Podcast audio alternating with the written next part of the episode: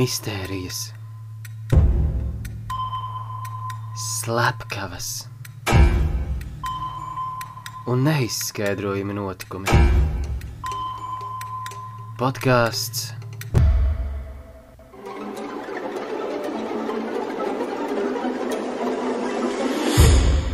Radars.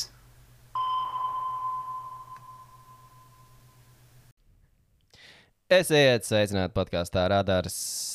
Ar jums kopā, kā jau parasti, ir Opčiks. Un, Monta. un varbūt mums ir video ieraksts, varbūt nav. Mēs vēl nezinām. Tas institūcija. mums pašiem būs pārsteigums. Tas mums pašiem būs pārsteigums. Mums šobrīd ir interesanta situācija, bet, nu, kā ir tā dzīvojama, tā teikt. Uh, bet, ja, ja, ja tomēr mums nav video, tad mums šodien ir arī trešais cilvēks studijā starp citu. Čau, Paula. Čau. Čau. uh, jā, mums ir. Uh, Šodien ir īpaša diena. Un ne tikai tāpēc, ka Paula mums ir atgriezusies mūsu podkāstā, jo, kā atceramies, tieši varētu teikt, desmit sērijas atpakaļ. Man liekas, tavējā bija 12. Paula sērija. Varētu būt. Varētu būt, jā. Tagad mums ir 22. Un, uh, un pagājušas desmit sērijas Paula ir atpakaļ. Uh, jā, tas ir, tas ir pirmais pluss, bet uh, lielais pluss ir tas, ka mums ir vesels gadiņš. Woo! Es sāku domāt par skaņu pultu. Mums ir kaut kas uz tās skaņa pults, bet man ir bail riskēt, uzspiežot. Nu, jā, tur būs. Es zinu, ka vecais intro tur ir. Tur mums ir vecais intro, ja, bet tur ir kaut kāda aplausa kaut kur arī. Bet nu, mēs Jā, šoreiz jā. iztiksim bez aplausiem, bez special efektiem. Mēs, uh, mēs, mēs negribam riskēt, bet jā, ir pagājis vesels. Uh, vesels gads kopš mūsu pirmās sērijas, uh, kopš uh, Anča Kaupāna. Mm, Bet tas ir gads kopš uh, kopš ieraksta vai pirms publicēšanas. pirmās publicēšanas, nemaldos. Jā. Jā, nu, atceroties pirmos laikus, mums pirmos laikus. Um, jā, visu, visu, visu to mēs ar visu citu, pilnīgi citu aparatūru toreiz darbojāmies, un tas bija, man liekas, nu, reāli, viss, viss forši, reāli pieredze. Kā tev, Mont, atcerēties to visu? jā, interesanti. Um, ka šis ir tāds ilgākais reāli projekts, ko es esmu darījusi pati par sevi. Um, man liekas, tā interesanti, ka sākumā vienkārši tik ļoti, nu, vismaz, nu, labi, tev bija pieredze ar kaut ko tādu, bet uh, man vispār nekādas pieredzes, un man bija tik dīvaini pieredze mikrofonā runāt. Savu balsi dzirdēt, man nereāli nepatika. Bet um, kaut kā ātri pieredu pēc epizodes, pēc epizodes, un beigās arī aizgāju. Ja, ja tu tagad, sat, eh, nezinu, tev būtu iespēja satikt eh, pagājušā gada monētu, tu viņai kaut ko teiktu tagad. Nu, tagad, ģipa, tu saprati to domu. Tu ideja. yeah, just do it. Just do it. Pēc gada, es nezinu, bija tas priekals, kad Bilija Eiliša bija kaut kāds intervijas ar gada intervālu. viņa jā, jā, jā, jā. know. Es centos to priekalu uztaisīt. Jā, nē, nu vienkārši man nav baigi komentēt. Okay. vienkārši ka tas, ka nu, vairāk pieredzes, vairāk pieredzes un uh, nav tik nu, tā neveikli sākumā, nu, kā man bija. So, Nu, jā, mēs sērijas arī šobrīd veiksmīgāk. Nu, ja mākam iesākt, mums tā kā pirmās sērijas, mums kāds piecas mēģinājums vajadzēja, tad mēs palaidām īsto ierakstu. Nu, tā kā. tā, jā. Es pat neatceros, cik mēs ilgi pirmo reāli mēģinājām. Man Jā, liekas, tas bija, tas bija šausmas. tas bija reāli traki. Man liekas, mēs kādu pusstundu čist mēģinājām iesākt. Jā, nu, uh, katrā ziņā gads ir pagājis. Ceram, ka uh, mēs uh, svinēsim. Šī nebūs vienīgā dzimšanas diena, ko mēs uh, podkāstam svinēsim. Un, un uh, par to arī, ir- starp citu, par, par, par sērijām runājot. Uh, kaut kādu sezonas beigām ļoti drīz mēs plānojam ar epizodi ar tādu kā atskatu uz visām mm -hmm. sērijām. Uh, ja nemaldos, tīra lists, kur mums ir uh, ar montu salikt, uztaisīt uh, katram savu tīru ar epizodēm, kuras mm -hmm. mums tad ir uh, mīļākās, nemīļākās, kuras ir. Kas tur bija augstākais līmenis, un tad ir ABCD kaut kas tāds. Jā, nebija, ja? A, B, C, D. e, Jā, un tad uh, E, F, jā, un F. Tu zini, par ko mēs runājam, Pāvils, šobrīd, kas ir tīrlists, vai tu nezini? Uh, jā, es uh, noklausījos to epizodi, kad, kas tas bija par to aizbergu. Vai... Jā, o, forši. jā, bet uh, es neatcerēšos tik smalki atbildēt par uh, to, kurš bija kurā tīra. Nē, tev to nevajag. Es vienkārši gribēju. Jā, tagad es to nevarēšu. Nē, es vienkārši gribēju zināt, vai uh, saproti, par ko ir runa vienkārši. Tas, ka tev, Jā, tev mēs tev neprasām nekādu tīrlistu, nu, Ā, tā, tas ir nu, skaidrs. labi, Jā, bet tas, ko mēs runājām, aizbergs, tas bija kaut kas cits, bet te būtu vienkārši ķipa no, no, nu, tā kā es, uh, nu tā. Nu, jā, jā, no- jā, mēs sarunājam, kuras epizodes mums Jā, patīk jā. vairāk, kuras nē. Nevis... Aizbergs tā kā dziļāk, ej tur vairāk, what the fuck, Jā, paliek. jā, jā, mums nav. Vai, nu, Nē, teorētiski mūsu aizbergu arī varētu uztaisīt ar mūsu epizodu. kurā sērijā ir lielāks vatafaks? Un apakšā ir kaut kāds bonus epizodes. Unreleased. jā, release. epizodes. Mums nav, man liekas, unreleased epizodes. Man kādreiz bija, man bija doma uztaisīt kompilāciju ar labākajiem momentiem no visām sērijām. jo Mums tiešām daudz momentu, kur mēs, man liekas, ierēcam. Un, uh, kur jau Pāvils man rakstīja par sprīdīti un uh, man klases vakarā. jā, jā, tas bija tik Vai, labi. vai, vai tur, kad Roberts bija, mums bija Avengers. Avenger. ej. Man liekas, tas bija tikai reāli greatest intro ever manā skatījumā. Ja godīgi. Mēs, man liekas, pusotru minūtu rēcām vienkārši. tā kā, tā kā, vienīgi, vienīgi, vienīgi, vienīgi, kur ir problēma, ir, lai to uztaisītu, man jā, jāpārklausās visas sērijas no jauna. Nu, tā kā, kas ir? Un tagad ir jau at this point gada garumā ir diezgan daudz. Jā, nu, tur tas saturs sanāk jau 24 stundām pāri. Tas nozīmē, ka nu, reāli veselu dienu ir jā. Nu, tā mm. loģiski, ka es visu dienu nekadu 24 stundas. Robs vienkārši tā liek tagad acis jau tādus iet šķērsā vienkārši klausās. Podkāsts strādās maratons 24 hour. Un viss, ko viņš var pateikt, ir podkāsts saturs pēc tam. Kā, jo tur jau jāmeklē pa lielam jāhanto, kur tad bija rēcīgi, kur nebija. Bet varbūt Jā. kaut kad, kaut kad es uh, izlaižu arī šādu sēriju. Mēs izlaižam, un varbūt kādreiz būs. Būtu rīktīgi forši, man liekas. Mhm. Uh, bet pievēršoties uh, nopietnākām lietām, nu jau, ne jau dzimšanas dienām, visam pārējiem, gan jau kādreiz mums būs arī tāda svinīgāka epizode. Šodien mums tāds, nu tāds, es nezinu, tāds Ieskaņu, svinību ieskaņu epizodi. svinību, svinību ieskaņu Jā. epizode. Jā, mums ir ar, ar veselu vienu viesu uz mūsu partiju. jē. Yeah! Paldies, ka tu atnāc pāri. Paldies par mūsu palīdzību. Vismaz mums ir kāds. Ja vajadzēja kaut kādu konfeti vai šitos. Vismaz. Um, jā, uh, viena lieta, ko es izdomāju, tikko pirms epizodes, wow, tu ko visu. ir jauns segments, uh, koordinātu uh, papildināšana. Un uh, es gribēju, es mēģināšu, es man nav pierakstīts, bet es mēģināšu uz atmiņu tagad papildināt. Respektīvi, iepriekšējā sērijā mēs runājām par Deep Web, Dark Web. To, to dzirdēju, epizodē, nedzirdēju? Jā, uh, katrā ziņā pēdējais stāsts bija par čali, kurš nejauši ielīda vienā no šīm te, mm, istabām, kur, kur nevajadzētu līst un kur tika slepkavot kaut kāda meitene vai kaut kas tamlīdzīgs. Un uh, stāsts beidzās ar to, ka viņš ir aizvērs to lapu. Tas uh, lapas kaut kāds administrators, bet tev ir uh, kopīgi ir gājuši un pa soļiem tā, lai viņš tajā lapē nekad netiktu klāt. Un ar to tas stāsts jau beidzās. Uh, pēc tam izrādās, es nejauši pamanīju, ka tam stāstam ir turpinājums. Un, respektīvi, tas čalīts. Man liekas, otrā sērija sākas ar to, ka viņš iesaistīja visā policijā. Nu, tā kā tomēr viņam teica, nedara to labāk, tu mirsti, ķipa, viņš tomēr iesaistīja. Uh, policija viņam ieteica pārvākties citur dzīvot, ko viņš arī izdarīja. Viņš pie kaut kāda drauga tur sāka dzīvot, un it kā sākumā viss bija labi, bet uh, tad viņu. Um, es nepateikšu tagad precīzi, bet man liekas, tur bija kaut kā tā, ka viņš sēdēja istabā, un uh, viņam atkal atnāca no uh, telefonā ziņa ar bez numuru, bez kontakta, bez nekā. Mm -hmm. Tur bija kaut kāds stāsts, kad uh, viņš jau bija noteicis tā cilvēka jānu adresi. Un, un viņš lika viņam, laikam, pastīties pa logu, un viņš pastījās pa logu. Tur bija arī kaut kāds bus ar kaut kādu čālu. Nu, Znači, viņam bija skaidrs, ka viņš ir atrasts. Viņš tur atkal iesaistīja policiju. Policija, protams, neko tur neatrada. Tad bija kaut kāds moments, kad viņi esot bijuši mājās, un tas cilvēks esot teicis, ka pat tūlīt, nu, es precīzi nepateikšu, bet tūlīt būs beigas vai kaut kas tāds. Viņi ir gājuši slēgt durvis, bet tas cilvēks ir iekļuvis iekšā, tas ķīpas lāpkava. Un, uh, un viņi esat uzkrājuši augšā istabā, bet viņiem tur kaut kas, nu, viņi ir izdzīvojuši, viss kārtībā, bet, nu, katrā ziņā, long story short, viņam bruka virsū tajā draugu mājā iekšā. Uh, un es ne, nu, viņu nenoslapkoju viņam, bet viņam bija kaut kāds moments, kad viņš reāli bēga, ka viņu tas čalis pat gandrīz viņu noķēra. Viņš viņam bija acu priekšā maskā, bet uh, viņš aizbēga. Es neatceros to tālāko daļu, bet tās beidzas principā ar to, ka četrus cilvēkus arestē. To lapu beigās atrod, nu, kas uztur viņu tos cilvēkus. Tiek arestēts admin viens, ar ko viņš sarakstījās, tiek, sarakst, uh, tiek arestēts tas, kas viņš bija. Ar 0,45 beigās. Ah, tas users? Ah, jū, kaut kāds user 0,45. Jā, Jā, jā. jā. Culture. Uh, 0,45. Jā, culture. Jā. Culture 045. Tas tiek arestēts un vēl divi čaļi, un saita ir noslēgta. Ar to tas viss tās beidzās. Bet tur bija tā, ka, jā, respektīvi, viņš pārācis pie drauga, viņu atrod, viņam uzbruk virsū. Protams, knapi viņš kaut kā tur izglābis, izdzīvo, un tad viņu arestē. Bet man kaut kā sāka likties, ka tas ir fake stories. Jau Montē rakstīja privāti. Bet, nu, katrā ziņā tāds bija turpinājums tam uh, pēdējiem stāstam uh, jaunajā segmentā, koordināta papildināšana. Uh, vēl viena lieta, ko es tikko atcerējos, ko gribēju piebilst pie dzimšanas dienas, varbūt, kas būs, varbūt, uh, par ko tiek domāts, plānots. Kā varbūt dāvana no mums ir jauns materiāls YouTube, par ko es apspriedu, par ko es tev arī sūtīju. Uh, respektīvi, tāds par to, ka man baigi iepatika šo stāstīņu stāstīt. Uh, teikšu godīgi, ir ideja taisīt kopiju no Darknet Stories, kur respektīvi tiek stāstīti šie stāsti. Uh, un tad uh, varbūt arī mūsu YouTube kanālā parādīsies kāds um, šis te stāsts, kā viņu nosaukt? Es nezinu, baisais stāsts, kaut kas tāds. Es nezinu. Dārgveids stāstījis, grib. Jā, nu, tur viss tās nav dārgveids saistīts. Es Mhm. vienu jau esmu sarakstījis. Tā kā, es nezinu, vai es. Nu, tā kā, Viņš ir fake stāsts, tas ir skaidrs, man liekas. un Tad, tad domā, cik ļoti viņi grib likt iekšā vai nē. Bet Mhm. mm. uh, varbūt kā papildus konteksts mums tas parādīsies. Tas varbūt būs tāds no mums, tāds, hei, mums ir gads, mēs attīstāmies, vairāk konteksta, viss foršāk.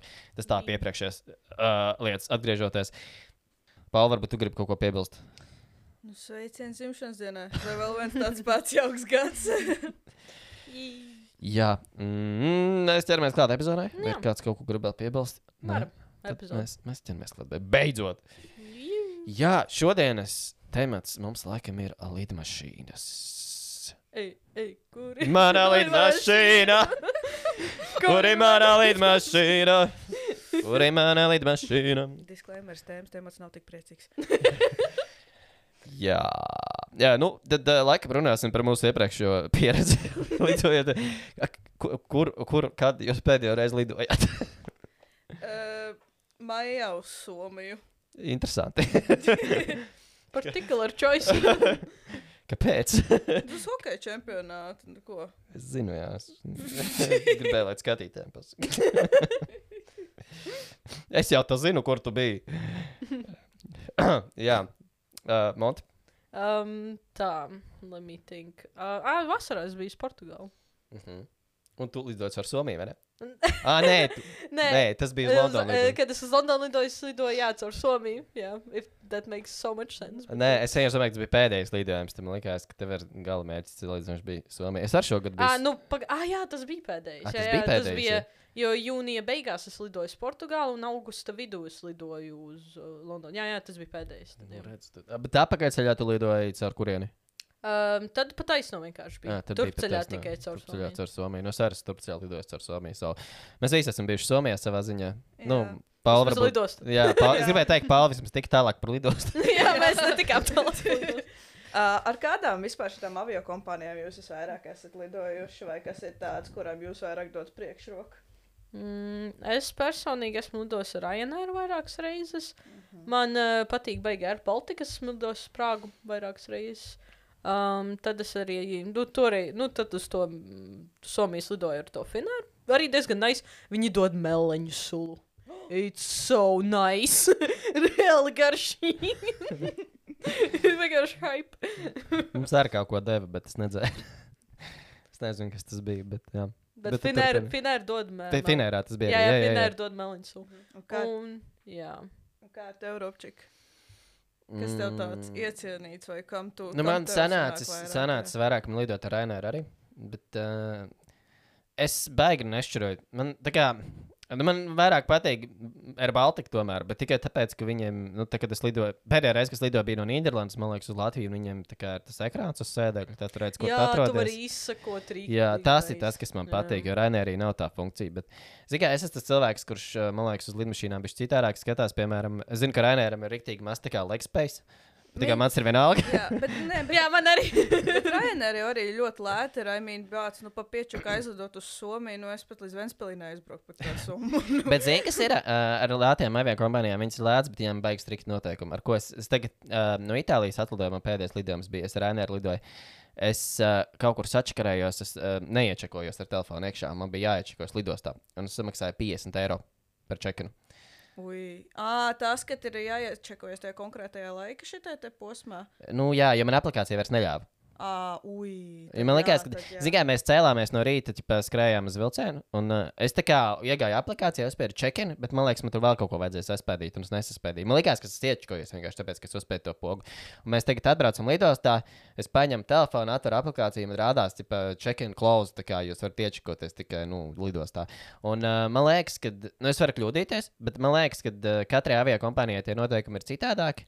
Tā noteikti ir. Jā, var pateikt, tas un, ir. un ir kompānijas, kas tev ilgāk ļaus to čekinu paturēs no aplikācijā čekoties. Un otrs ir tas, ka, ja tu nokavē citām ir mazākas maksas, bet Rainēram viņi ir lielāki. Mhm. Tāpēc, ka viņi ir lētā kompānija.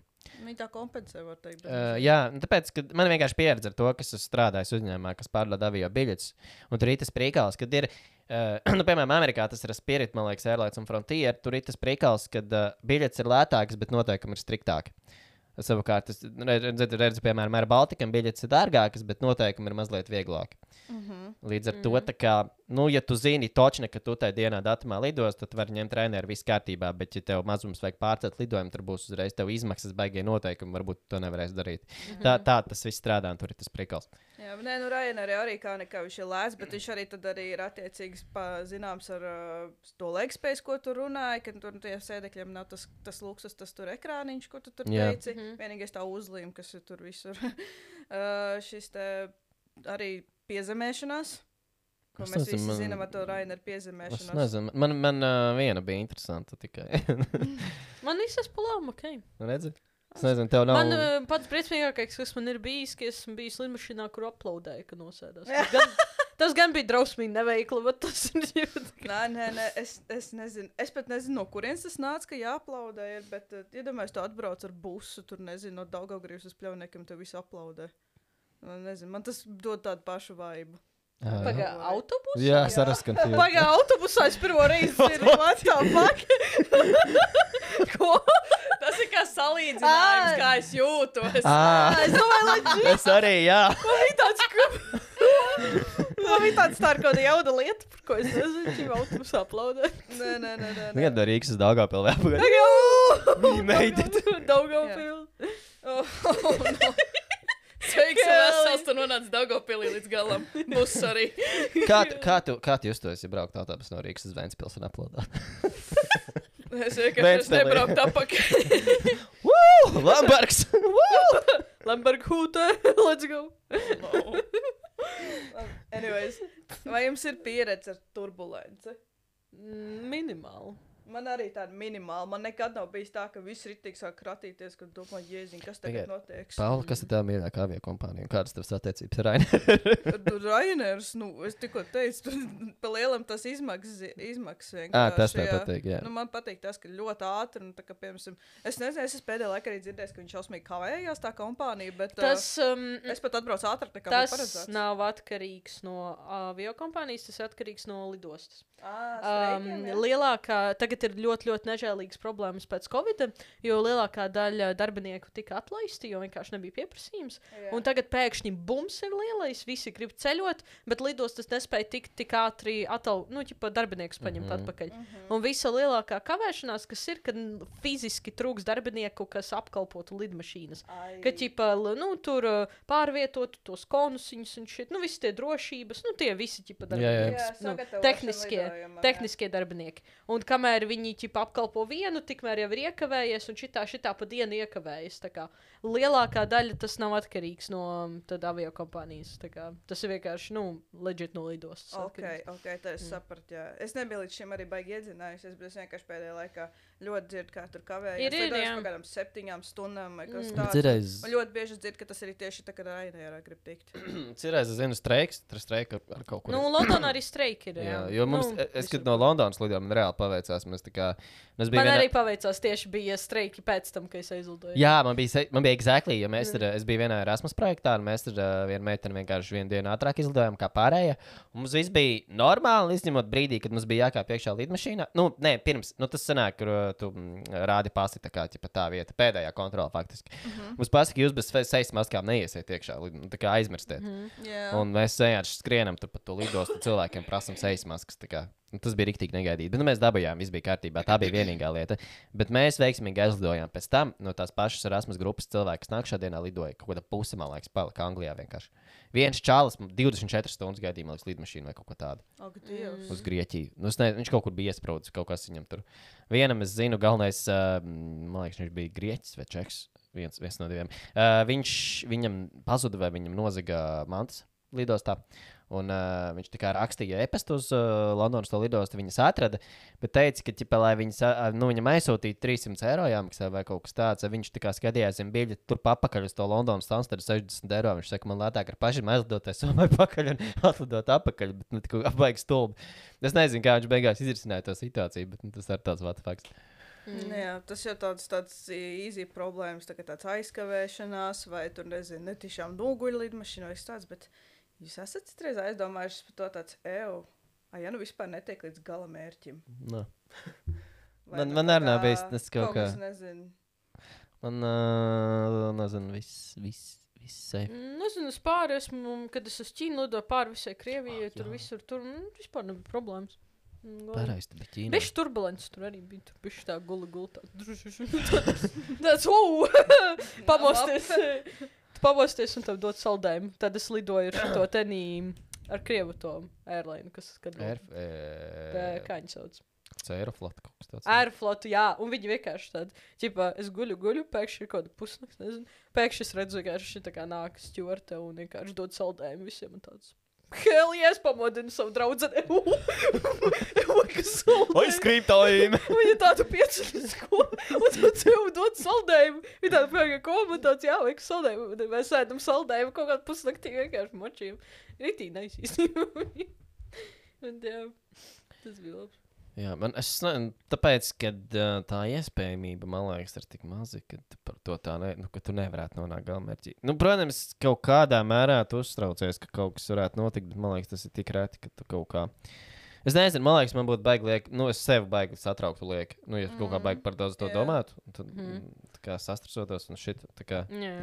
Jā, bet es arī tā kā citreiz cilvēki runā, ka liekas, ka ar lidmašīnu lidot esot bīstamāk nekā braukt ar mašīnu. Es pieņemu, ka vienkārši tāpēc, ka katru reizi, kad nokrīt lidmašīna vai kaut kas notiek, es cilvēki par to runā, pilns ar tur mēdījiem un viss kaut kas tāds par to. Bet, bet vai tiešām, ja tas būtu tik šausmīgi bīstam, vai domā, ka mēdījiem tā kā būtu interesanti katru reizi katru to tā apkopot un visu laiku rakstīt tā kā apnikt, tāpat kā visas auto avārijas tagad nedokum- nedokumentē, ja nu viedī tur kāds, nu, zināms cilvēks ir bijis vai kas tāds. Mm -hmm. Arī tāpēc arī saka, ka piemēram, tā iespējamība lidmašīnai nokrist ir viena pret 9821.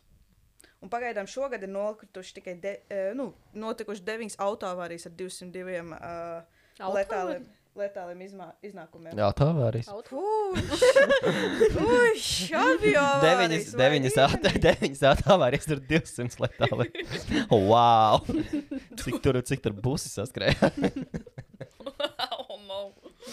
Rīgas satiksme bliež vaļā. Jā.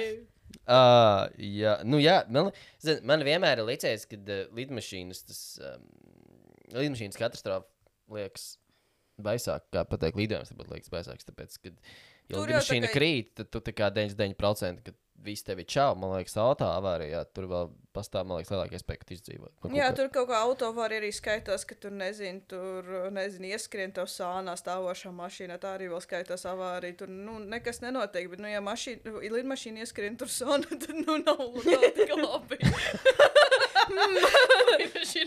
Tā bija šausmas palika. Sānā. Veids pūts, uzpūts. Tagad kondicionieri ieslēdz. Mašīna, jā. Bet, nē, es, man ir bijusi situācija, kad man mašīnā ieskrien sāna. Nu, labi, tā nebija man. Nu, labi, es biju kā pasažieris mašīnā, un mums, uh, mēs braucām pāri krustojumam. un Tas diezgan bija maziņš, diezgan, uh, nu, vecumziņā. Man tik tā piebilst. Nu, tā jā, es zinu. Ah, tu vēl līdz vēl brēmas maziņš, Robert, jā, nu, aizmirst. Oi, Jautājums, cik tas sen? Es, ne, pieņemsim, man bija 9 gadi. Nu, kaut kas tam līdzīgs. Un, un mums ienesās normāli sānā. Bet es. Uh, kas ir interesants? Jā, bet. Uh, nē, es, es, es esmu jaunākais brālis. bet, uh, bet uh, kas, kas man likās interesanti, es biju vienīgais cilvēks, kurš nebija piesprādzējies, bet man bija vismazākās, tā kā, nezinu, skrampas traumas. Es biju pilnīgi netraumējies no, tās, no tā visa. Tāpēc, kad uh, es biju tā kā. Tajā brīdī man, uh, es turējos pie abiem sēdekļiem, nu, tā kā viena roka pie viena, otra pie otra, un tas triecien, notika trieciens. un vienkārši tā, nu, Es, es noturēju sevi ar rokām vienkārši. Es biju ieliecos, un visi tur pārējie, kur bija piesprādzējušies, viņi tur uh, uz vienu sānu, tad otru sānu. un Tas, kurš bija pasažieru pusē, tas tur galvu tur pret logu acis, tam tur bija vissmagākie. Nu, neviens tāds, nu, nu, viss bija tīri ok. Nu, tur mašīnas visvairāk cieta cilvēkiem, viss bija kārtībā. Bet man liekas, tāds nu, dīvaini. Tā kā tu neesi piesprādzējies, bet tev ir mazākās skrāmas. Kas, starp citu, man liekas, arī interesanti par lidmašīnām. Uh, Man liekas, tas same story bija par to, ka. Uh, tad, kad um, Sanktpēterburgas kā komandai uh, KHL Ā, nokrita jā. lidmašīna, kurā bija starp citu arī mūsu Kārlis Krasniņš. Uh, tas lokomotīvs. Jā, lokomotīvs. Fū, lokomotīvs.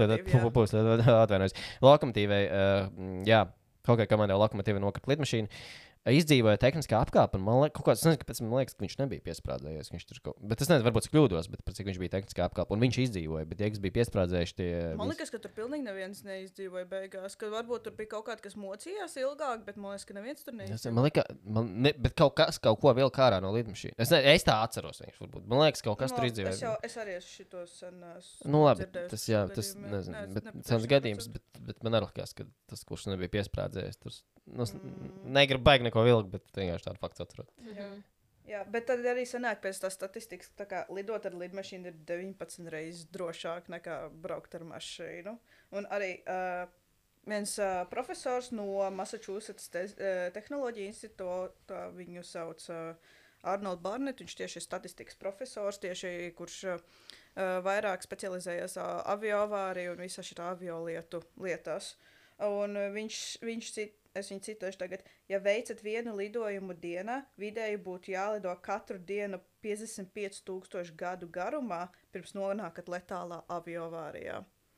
Tā kā jā, nu, varbūt liktenis nav tāds tiem cilvēkiem, kuriem tā diemžēl ir gadījies, bet nu, tur tiešām, kā viņš apgalvo, tiešām ir ļoti maz no kā baidīties. Varbūt tas cilvēks tiešām iekšēji uztrauc, ka viņi ir filmas saskatījušies vai ko tādu. Tad, bet, Mm -hmm. mm, man arī neuztraucas īsti, kas tur kā. Man vairāk uztrauc tas, ka es nokavēju pašlidojumu. mm, jā.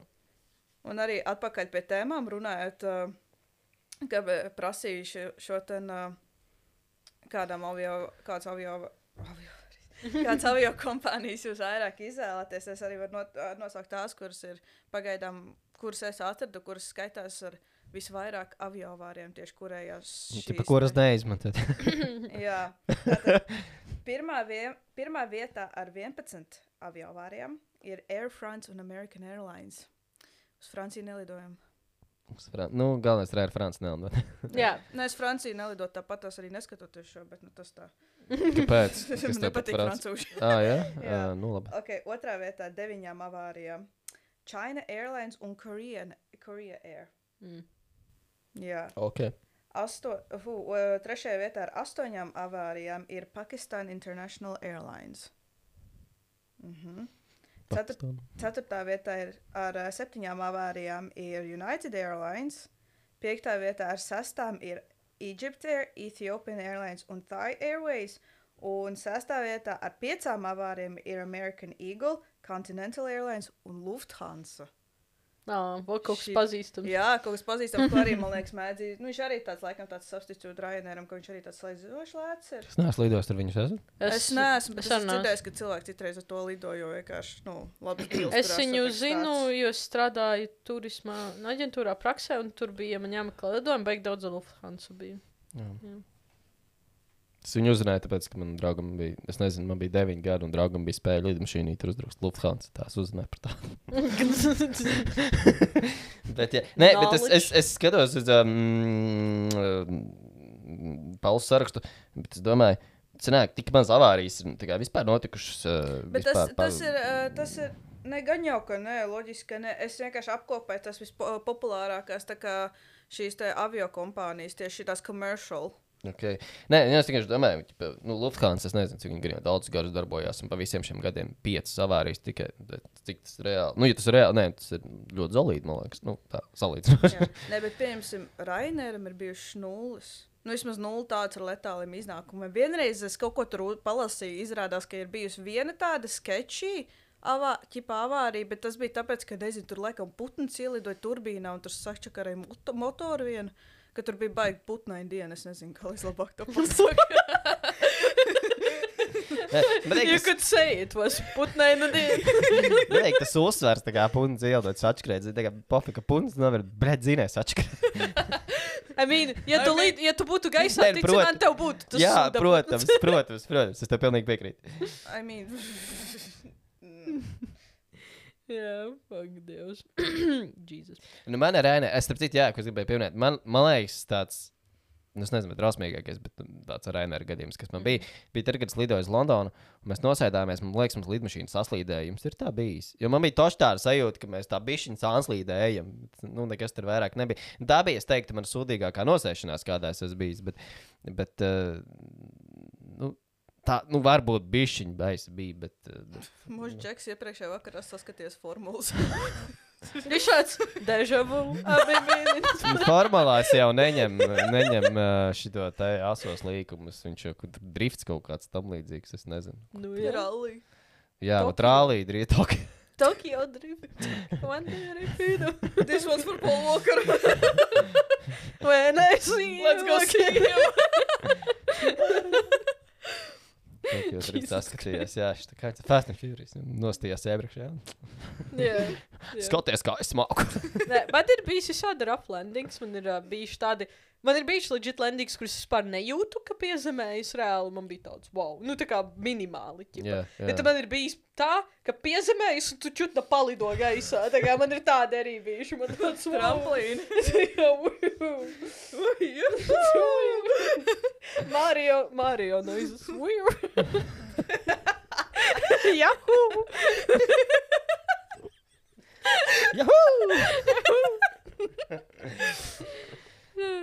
jā, tā kā ir bijuši visādi, bet, uh, bet, bet jā. Ā, es vispār gribēju vēl pateikt, ā, man te visādi fakti vēl sameklēt ir, Go for it. ā, kurus atradu. Um, pirms tam, ķipa, kad um, nu, šī mums uh, epizode, ja jūs nejo, nenojautāt jau no sākuma, mums būs par pazudušām lidmašīnām runa. Un, Mostly. uh, Jā, mo- mostly, nu, ķipa, ar, ar touch of, bit of touch of everything. Uh, Mhm. airline related. Uh, airplane related, I should say. Uh, un tad, uh, ķipa, es sameklēju, kāpēc um, ir, um, nu, biežāk iemesls, kāpēc vispār pazūd lidmašīnas, kāpēc tā notiek. Nu, protams, tas nav tā, ka tā kā visu laiku pazūd lidmašīnas, bet, kad viņas pazūd, ķipa, ko, ko notiek? Ko notiek? Ka- kas, kas, kas pie malas? Why is this? Kur tas lielgabarīt putns palika? palika? Yeah, like it's a big plane. It's not that hard. Like It's not even a bird. it's, a plane. the birds aren't real though. Labi. Tā bija tieši mūsu sērija, vai ne? Jā. jā, es vienkārši tāpēc arī atcerējos. Bet jā, ka tā tad. Uh, Tie iemesli, ko es varēju visvairāk, katrs, kas parādījās, nu, visu laiku. Ok. Uh, viens no tiem, kas visvairāk tika pieminēts, ka vienkārši slikti, slikti laika apstākļi. Jā. Tas kā viens no top iemesliem. Un tad divi, kas ir saistīti, protams, ir kaut kādas tehniskās ķibeles. Kaut kas notiek ar lidmašīnu. Jā. Uh, un tad trešais ir tieši, kad uh, human error. Nu, principā, vai nu pilotam kaut kas notiek, vai apkalpē okay. kas notiek. Nu, jā. ģipat tam līdzīgi. Jā, jā. Um, tā kā tie ir tādi trīs galvenie iemesli, kas, kas notiek. Un pa, parasti ir kombinācija ar šiem visiem. jā. Parasti Nu, man ir interesanti klausīties, tāpēc, ka man ir case, un es tagad vienkārši tā domāju, tā, man bija šis gadījums, vai man nebija šis gadījums. Jā, Tikai tas tā vispārīgi. Un tam man ir vēl visādi fakti, es atradu par lidošanu un ģenerālu. Um, tieši varbūt cilvēkiem, kuriem bail lidot, te bija tāds, es atradu itī rēcīgi lapu, ķipa tā kā air safety kaut kāds fakts or something. Uh, un tad, ķipa, lai tiem, kuriem ir rītīgi bail no lidošanas, viņiem būtu drošāk. Interesanti ir tas, ka es atradu, kad um, lidmašīna lido, uh, viņai ir tas, kā saucamais, privātā, kā saka, šoseja debesīs. Nu, ķipa tā vieta, kur viņi tieši lido, tas, nu, tā, tas ceļš. Un viņš ir uh, uh, 10 jūdzes, 16 km plats uz katru lidmašīnu. Mm -hmm. Un tajā nevienam nav atļauts lidmašīnai atrasties. Kā, re- respektīvi, kā 16 km reāli. Nu, tā kā neviena nav apkārt. Tā kā nav atļauts būt lidmašīnām. Tā kā, tā kā tas tiek ļoti kontrolēts. Uh, un arī runājot par sliktiem laika apstākļiem, kad ir uh, standartā, kad ir uh, izvairīties no visiem pērkona-negaisiem ieteicams vismaz 37 km attālumā. Tas ir standarts. Nu, jeb uh, 20 jūdzes. Jūras jūdzes, 20 jūras jūdzes. Jā.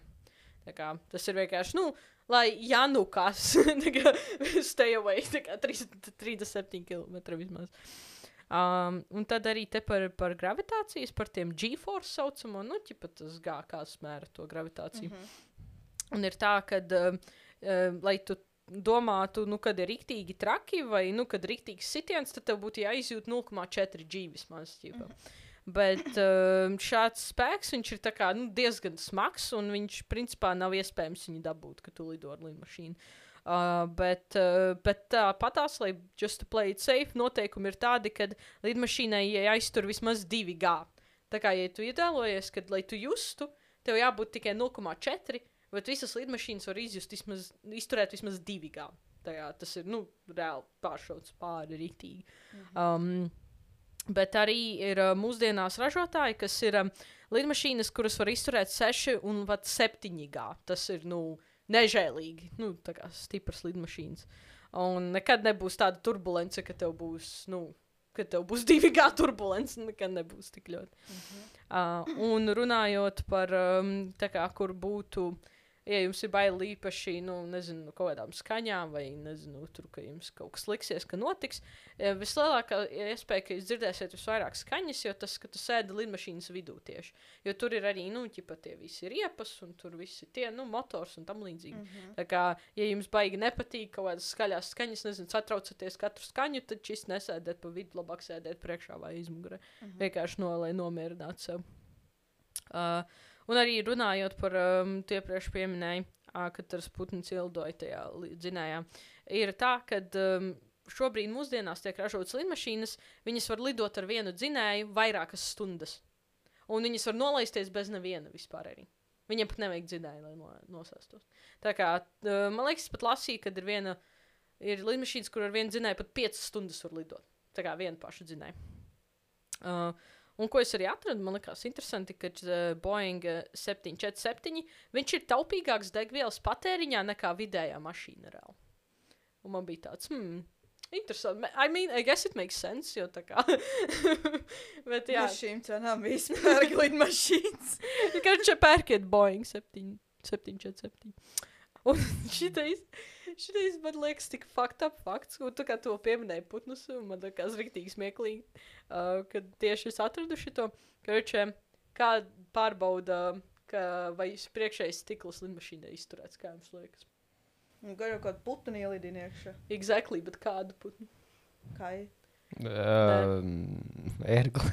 Nē. Think like more uh, pierasts. Pierasts putns. Pierasts. Balots. Pa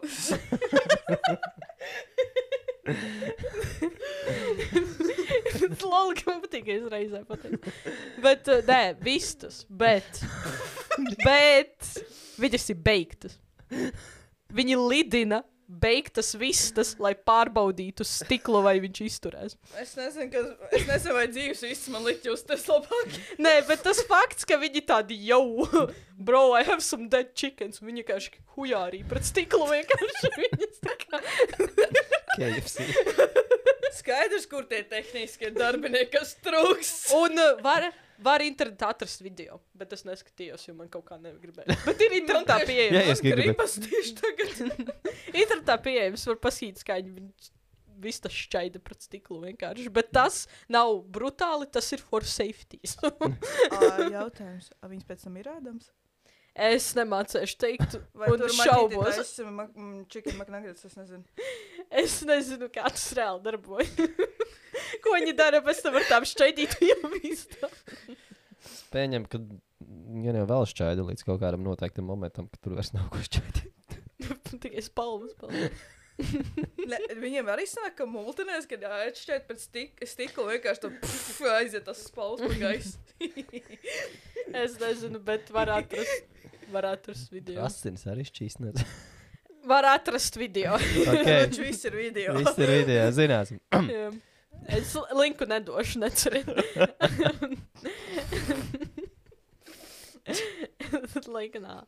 Uh, jā, un tad, uh, kas uh, tāds varbūt liekas daļai apvies, daļai tāds hmm, ir tas, ka uh, visbīstamākais laiks lidojumā ir tieši pacelšanās nosēšanās. Nevis pats, ka tu lido. Tas ir actually drošākais, kur tu vari būt. Un runājot par drošāku, kad, ja jūs gribat būt kā um, ekstra droši, ka jūs lielāka iespēja, ka jūs izdzīvosiet, tad drošākie sēdekļi ir aizmugurē lidmašīnai. Tā esot izpētīts. Tā, jā, bet ētības ziņā, zinu, sie- sēž tieši pie toaletēm. Man tā bija, kad es lidoju. Nu, nu nezinu, citu, citu cilvēku laikam bija kārtīgi pāēduši. to varēja just pēc tam. Es arī esmu daudz sēdējis, tā kā aizmugurēju, tīpaši pēdējā laikā, bet man nav bijušas tādas problēmas. Nu, Nu, man laikam to vienreiz atpakaļ ceļā tā nebija. nu tev nepaveicās ar tiem cilvēkiem. Jā. Ko tā 5 eiro es nevaru sūdzēties? Jā. Gan jau tas labākā, kad uh, tu sēdi pēdējā rindā un tur kāds to ar seksu nodarbojas, piemēram. Tā kā- Tev tā bija? Nē, bet es dzirdēju par gadījumiem. Oh, Jesus Christ. Kaut kur Es lasīju. arī neko tādu nav piedzīvojis. Bija kaut kāda intervija ar Stuartu, viņš stāstīja. Kāds grib pie Race Purity testā atzīmēt, uh, join the Mile High Es Club? tieši gribēju to teikt, tā ir lieta reāli. Tu zini, Mile High Club? Daļai. Mile High, ka tu esi nodarbojies ar seksu lidmašīnu. Un, Nu, tā kā, un es to kas ir? Man draugs nesen pateica, ir legit mājaslapa. Mile High Club. Viņiem ir mājaslapa. Nē, nu, zināju, ka tas bija tas trends, bet kā tas Stuarts teica, ka tas ir baigs stulbi, jo tur, nu, sāksim ar to, tur ir maz vietas. Jā, nu tur, tur pff, Liliputiem toču jālien. Es nezinu. Man. Robinson. Looks like a job for me. Jā. Vēl caurā reģistrācijas fórumā es. Let's go, boys. Jā, nē, tad viņi teica, jā, kad viņi atver. Nu, kā, problēma sākas ar to, ka tā kā, izveidojas liels rīns uz toaletu, un tad es jau saprotu, apmēram, kas ir noticis. Un tad viņi eh, kaut kā atmuķēja tās durvis. Es nezinu, Uh, kas. ir um, safety locks speciāls. Uh, visās lid lidmašīnās ir, ka var no ārpuses attaisīt durvis. Tas ir Bet for tas jau gan safety. jau tikai stūrts un iztie. Nu, gan jau. tur ir, es nezinu, kā tas precīzi darbojas, bet kročē, jebkurā lidmašīnā stūrts var attaisīt. Nu, jā, un tad viņi ķipā, lai zinātu, ka, nu, lai saprastu, kas ir tāds, viņi atver durvis, tad viņiem ir skaidrs, tad viņi pieliek tādu aizskaru, lai tie cilvēki varētu saģērbties atpakaļ tā, un tad, nu, viņi iziet ārā, un tad mm, viss atkal notiek, nu, kā notiek. Nu. Tas bija. Es kaut kur lasīju interviju. varu iet tālāk. Mm. Jā, uh, un pēdējais, ko es gribēju pastāstīt, jā, ne pēdējie divi. Šis laikam, es nezinu, ASV vai kas, bet es rāšu to nebiju dzirdējis. Um, kad uh, nevar ķipa laser pointeru rādīt pret lidmašīnu. Uh, un, un ķipa ASV pat ir uh, prikals tāds, ka, nezinu, varbūt tas ir uz militāriju airplanes vai kas. Kad uh, var dabūt līdz pat pieciem gadiem cietumā, ja ķipa laser pointeru rādīs uz lidmašīnu. Tā Kā, man liekas, tas ko. Tagad, ne, es tikai Man- kāpēc man- lai tu man- rādītu? Man lielāks jautājums ir, vai, par- piemēram, tie laser pointeri, kas parasti bērniem ir, es nezinu, man arī bērnībā tāds bija tur. Mhm.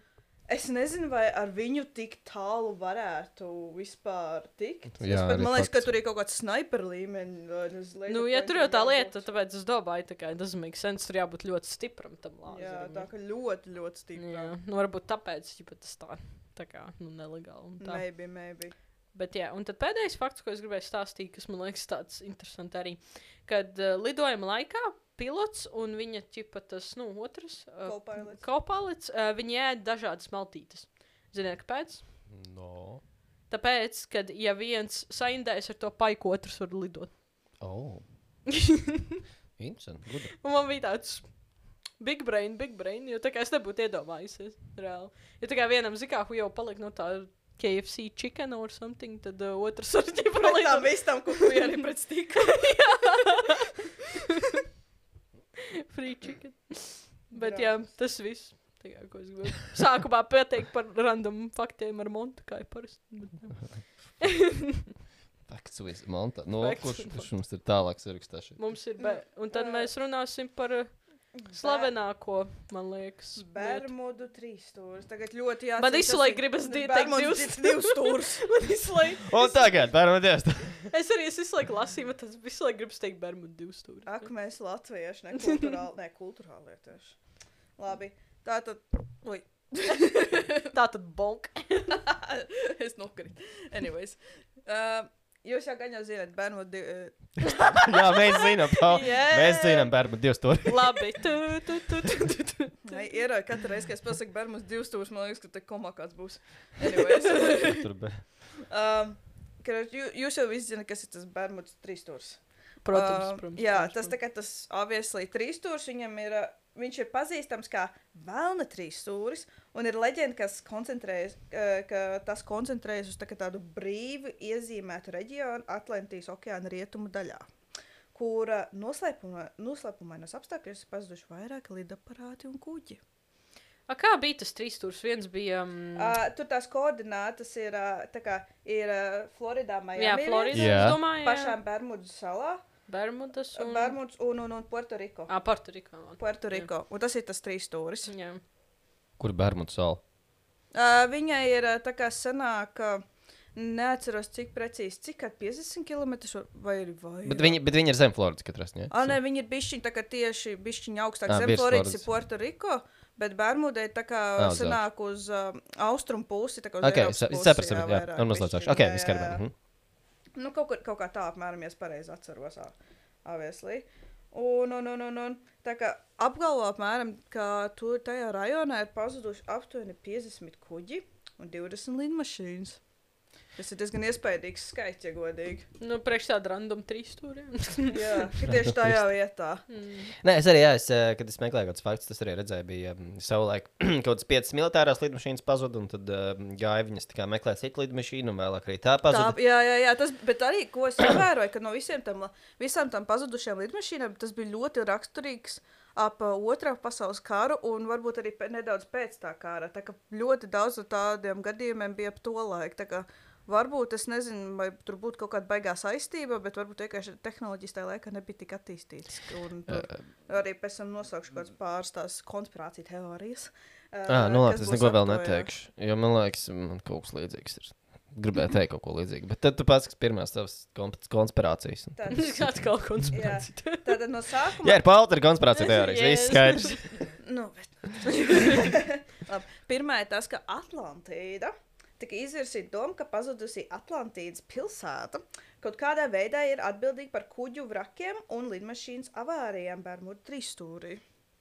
Uh, kopš tā laika citi ir uh, izmantojuši citu šo teoriju, apgalvojot, ka atlantiešu izstrādātās tehnoloģijas, tostarp kristāla enerģijas, joprojām ir aktīvas jūras dibenā, izraisot mehāniskas darbības traucējumus augstāk esošajās laivās un lidmašīnās. Uh, Vienīgais lielākais šīs uh, teorijas trūkums, protams, tas, ka tāda pilsēta nepastāv.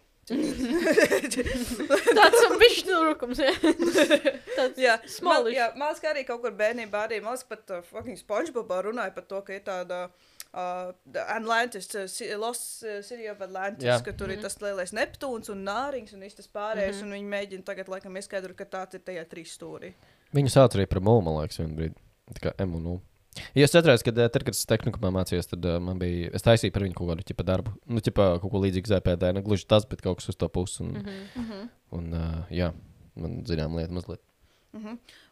Otrā teorija ir tas, ka ir vienkārši milzīgi viļņi. Tad pirms dažiem gadiem Anglijas Southamptonas Universitātes zinātnieki apgalvoja, ka Bermuda trīsstūra ūdeņi ir īpaši nobrieduši milzīgiem viļņiem, jo vētras tur ieplūst no visām pusēm, respektīvi tur non- non-stop tā kā tsunami eh, type uh, stuff notiekas. Bet that actually makes sense, jo Floridā parasti ir un hurricanes. un tam- jā, tas jā. Tagad nesen jā. arī bija rīktīgi. Ah, crazy. ok. Ah, Jo jā, jā. Hurricane Ian tagad pārgāja pāri. Aha. Rīktīgi traģiski. Un daži viļņi pēc pētnieku domām varētu sasniegt 100 pēdu augstumu. Aptuveni, ja? Lai gan zinātnēki darbs piesaistīja lielu uzmanību, tas nevarēja izskaidrot, kas varētu izraisīt lidmašīnu pazušanu. tieši gribēju trīsstūrī. kaut ko Tā kā jā, kuģiem, jā, a, kad tu sakās ar lidmašīnu, Jā. tik Nu, kaut kā, ne, kaut kā. viļņus- Es domāju, tik augsts viņus mēs pamanītu arī no šeit no, Rīgas.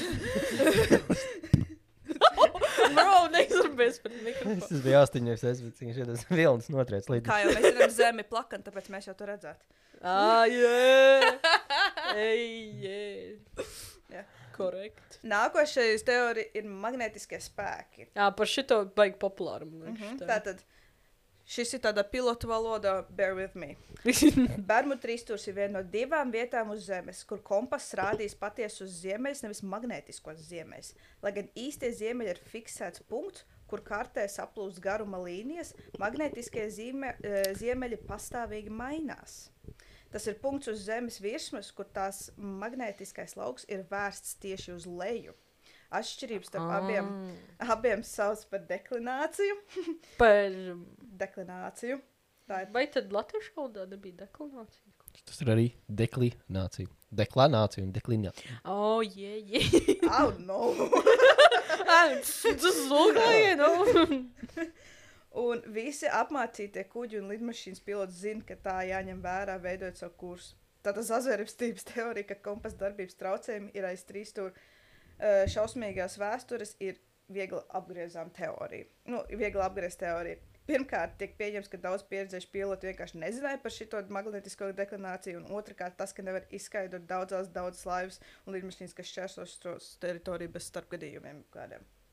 Tā kā tādā ziņā, jā, tā kā, vai varbūt tie piloti nepamanīja, ka tur ir tas, tas kompas, tas tur stuff going on, jā, bet, nu, zin kā, tā kā pieredzējis, un ir citi tādi, kuriem nenotiek nekas tāds, tāds, nav, tas nav tā kā strong pamatojums. Mhm. Nākošais, cita planēta. Hell. protams. Kā bez viņa? jā, Šis ir īstais. jā, obviously, tā kā nav nekāds brīnums, ka kaut, kād, kaut kāds ekstraterrestriāls tur uh, ciplanētieši būs iesaistīta. Un kuri sazvērestības teorēti- teorētiķi tur parasti arī kāds ir lomētājos pa vidu. Tātad šajā gadījumā tas ir par to, ka ciplanētieši izmanto Bermudu trīsstūri kā portālu uz mūsu planētu. Oh. Tur viņi apkopo cilvēkus. Protams, ka viņi pie Florida, Floridas teleporta. of course, Vienkārši no man's land, vienkārši pataisa. Jā, vispār ir arī tas prikals, vienkārši ieraksta savu dzimšanas dienu un pieraksta klāt Florida man. Un tad kas, nu, ko Florida man izdarīja tajā dienā? Oh, parasti baigā mērķis. Anyways, turpinot tālāk. Tātad tur viņi apkopo cilvēkus un tehnoloģijas, kas tām vajadzīgas, lai veiktu pētījumus par mūsu sugām. Šī teorija izskaidro, kāpēc daudz kuģi un lidmašīnas, kas nokrīt Bermudu trīsstūrī, nekad netiek atgūti. Man patīk no visām teorijām, šī pagaidām liekas visloģiskākā. Aliens! It's aliens. Just trust, it's of trust me, bro. Jā. Tātad un nākamais ir wormholes, jeb ā, jautājums tāds, vai Bermudu trīsstūrs varētu būt portāls uz citu telpu un laiku? Pilots vārdā Brūss Germans saka, ka tā ir. Es ne- Es ticu Brūsam. Es, Go, Bruce. Go, Brūs. ok, and Bruce says, es, es neticēju ceļošanai laikā vai teleportācijai, kamēr tas nenotika ar mani. Uh, saka Germon, Gernons. Tur vēl saka visu. Gernons, jā. Pilots apgalvoja, ka manu kuģi apņēma migla, ka es lēcu uz priekšu simts jūdzes. Neticat? Par laimi Germans dokumentēja notikušo un iegaumēja katru šī lidojuma detaļu, publicēt grāmatu par savu pieredzi 2017. gadā. Citos vārdos - kokaīns. es neko nedodu. Nē, viņš teleportēja. Jā, viņš teleportēs, Runājot jā, par, es, es, zinu, es zinu vēl vienu gadījumu, es nu, meklēju, ka es vienkārši mm, bija tāds stāsts, ka es, es varētu noglūdīties garām. Kaut kāds 50, bi- nē, uh, 70 kaut kāds gads, un uh, pēkšņi parādījās lidmašīna kaut kāda, kur nerādījās, uh, nerādījās uh, radarā. Radars.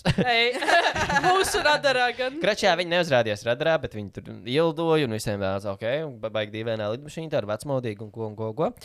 Un sazinās ar pilotu, un viss tāda baigi dīvaina. Un tas uh, pilots nosēdās, un tāds, kuras esmu, un viņam tā kā vajadzēja lidot uh, uz, no Ņujorkas uz Floridu, bet viņš bija nosēdies kaut kādā Ekvadorā, ja nemaldos. Un, uh, Viņš netrāpa. Vai nu šī garām Viņš pašā garā. Florida's way back there. But... jā, jā,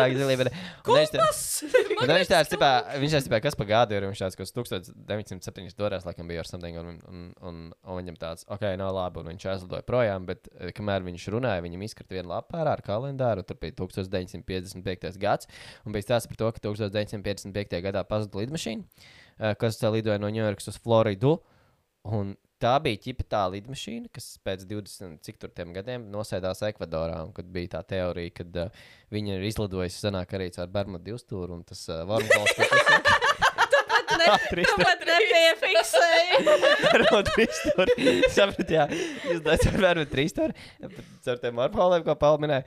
Un, un tāpēc viņi aizteleportējās uz gadu.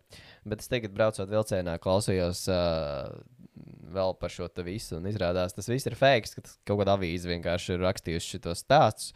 Un, uh, Un, un tur bija par to, ka tā, tā avīze ir šo stāstu nopublicējusi pat trīs reizes, kaut kādos atsevišķos laikos. katrā, katrā reizē par to cilvēku, kurš, uh, mm, uh, nu, kurš redzēja, rada, uh, ne, kurš redzēja kā tā lidmašīna ielido, bet neredz viņu radarā, kurš bija tas galvenais stāstu varonis. Visu laiku viņam tur bija tas tāds kaut kā mainījās, vai tur kaut kas visu laiku viņam mainījās. Tādā, nu, kurš saprata, ka tas bija fake, bet um, bija arī kroķis tāds gadījums. Nu, YouTube ir atrodams, ir tāds, oh, lidmašīna, kas tur pēc 37 Teik- gadiem teik- atgriezās. teiksim, tā tajā stāstā maisījās tehnoloģija trūkums un cilvēka uh, fantāzija, un tas viss samiksējas kopā, un uh, lūdzu, neviens neko nesaprot. Nu, jā. Vienkārši, vienkārši viņiem izdevās tajā avīzē iznāca labs stāsts, kam cilvēki gribēja nocēt. Viņam bija tāds, oh, wow, cik fascinējoši. Jā, nu, tā kā jā, tas bija tas, ko es gribēju pieminēt. Bet uh, runājot par keisiem, ja neviens cits negrib. Ja neviens īstenībā negrib pieminēt, tad uh, mēs sāksim ar uh, kaut ko lokālu. Lokā, Lokālu. Mhm. Tīpaši Paulai lokālu. Aha! 40 km no manām mājām. Mazāk pats bišķi. Nu, Pauli teica, ka tur Lamberts bija vainīgs, bet, nu. Paps nav vainīgs. tas nav vainīgs. Bet, ko mums saka internet resurs, kas bija vainīgs? Uh, respektīvi, uh, svaigākais notikums, man liekas, no visiem, vismaz saistībā ar Latviju kaut kādā mērā. Uh, 2022. gada 4. septembris, uh, nu, gandrīz pirms mēneša, bija vairāk. Uh, Cessna 551 reģistrēta Austrijā. Uh, bija lidojumā no Spānijas, Džeras uz Vāciju ķelni. Un uh, pēc tam, kad uh, Cessna pameta. Nē, es izlaidu teikumus, ļoti atvainojos. Neilgi pēc pacelšanās pilots uh, ziņoja, attiecīgi, nu, kas tas skaitās, gaisa kontrole uz zemes, kas viņi skaitās. Uh, uh, jā, ziņoja viņiem par gaisa spiedienu problēmu lidmašīnas kabīnē. Nu, respektīvi, jā, kaut kas bija viņiem iekšā lidmašīnas kabīnē, viņi jūtas gaisa spiedienu. Uh, pēc tam, kad lidmašīna šķērsoja Pirenējas pusēlu, sakari ar to pārtrūka ar šo lidmašīnu. Viņi turpināja lidot, bet uh, viņu varēja uztvert arī ar to Flight Radar 24, ar kur var vēlēt lidmašīnu. Daudz viņi arī vēroja. uh, es tā pieņemu. Bet sakari ar viņu nekāda nebija. Un, un, uh, tad lidmašīnai sāk sekot vairākas armijas lidmašīnas, kas, es saprotu, ir tāda. Laikam, normāli tagad procedūra, nu, ja shadowing, jo citos kezos ar to biju dzirdējis, kad uh, militārās lidmašīnas vienkārši sako, mēģina saprast to situāciju, novērot. Un tas notika arī šeit. Uh, sākumā divas lidmašīnas no Francijas, nu, respektīvi, no Spānijas tālāk do Francijā.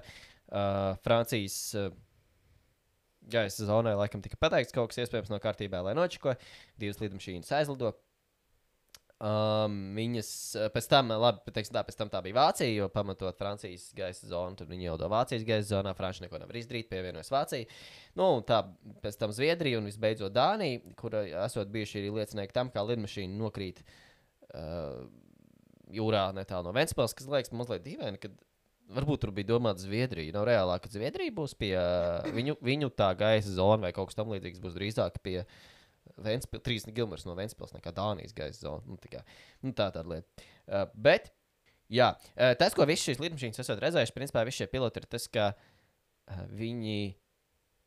Grunča lidmašīna varētu nosaukt par Ghost Flight. Viņa nav populārākais Ghost Flight, bet Ghost Flight tādā ziņā, ka uh, viņi vēro lidmašīnu, bet ne kokpitā, ne kabīnē nebija nekādas kustības. Nu, vispār tur cilvēks ar Jā, neredzēju. tur vispār tur tā vienkārši pilnībā vienkārši tukša Jā. lidmašīna izskatījās, bet uh, viņi visi tur bija uh, atslēgušies Jā. ne? no tā tur uh, spiediena, Jā, tur jā, jā. uh, problēmām. Jā. Jā, jā, jā, jā, jā. Tiek uzskatīts, ka gaisa spiediena dēļ visi lidmašīnā esošie cilvēki vienkārši zaudē samaņu.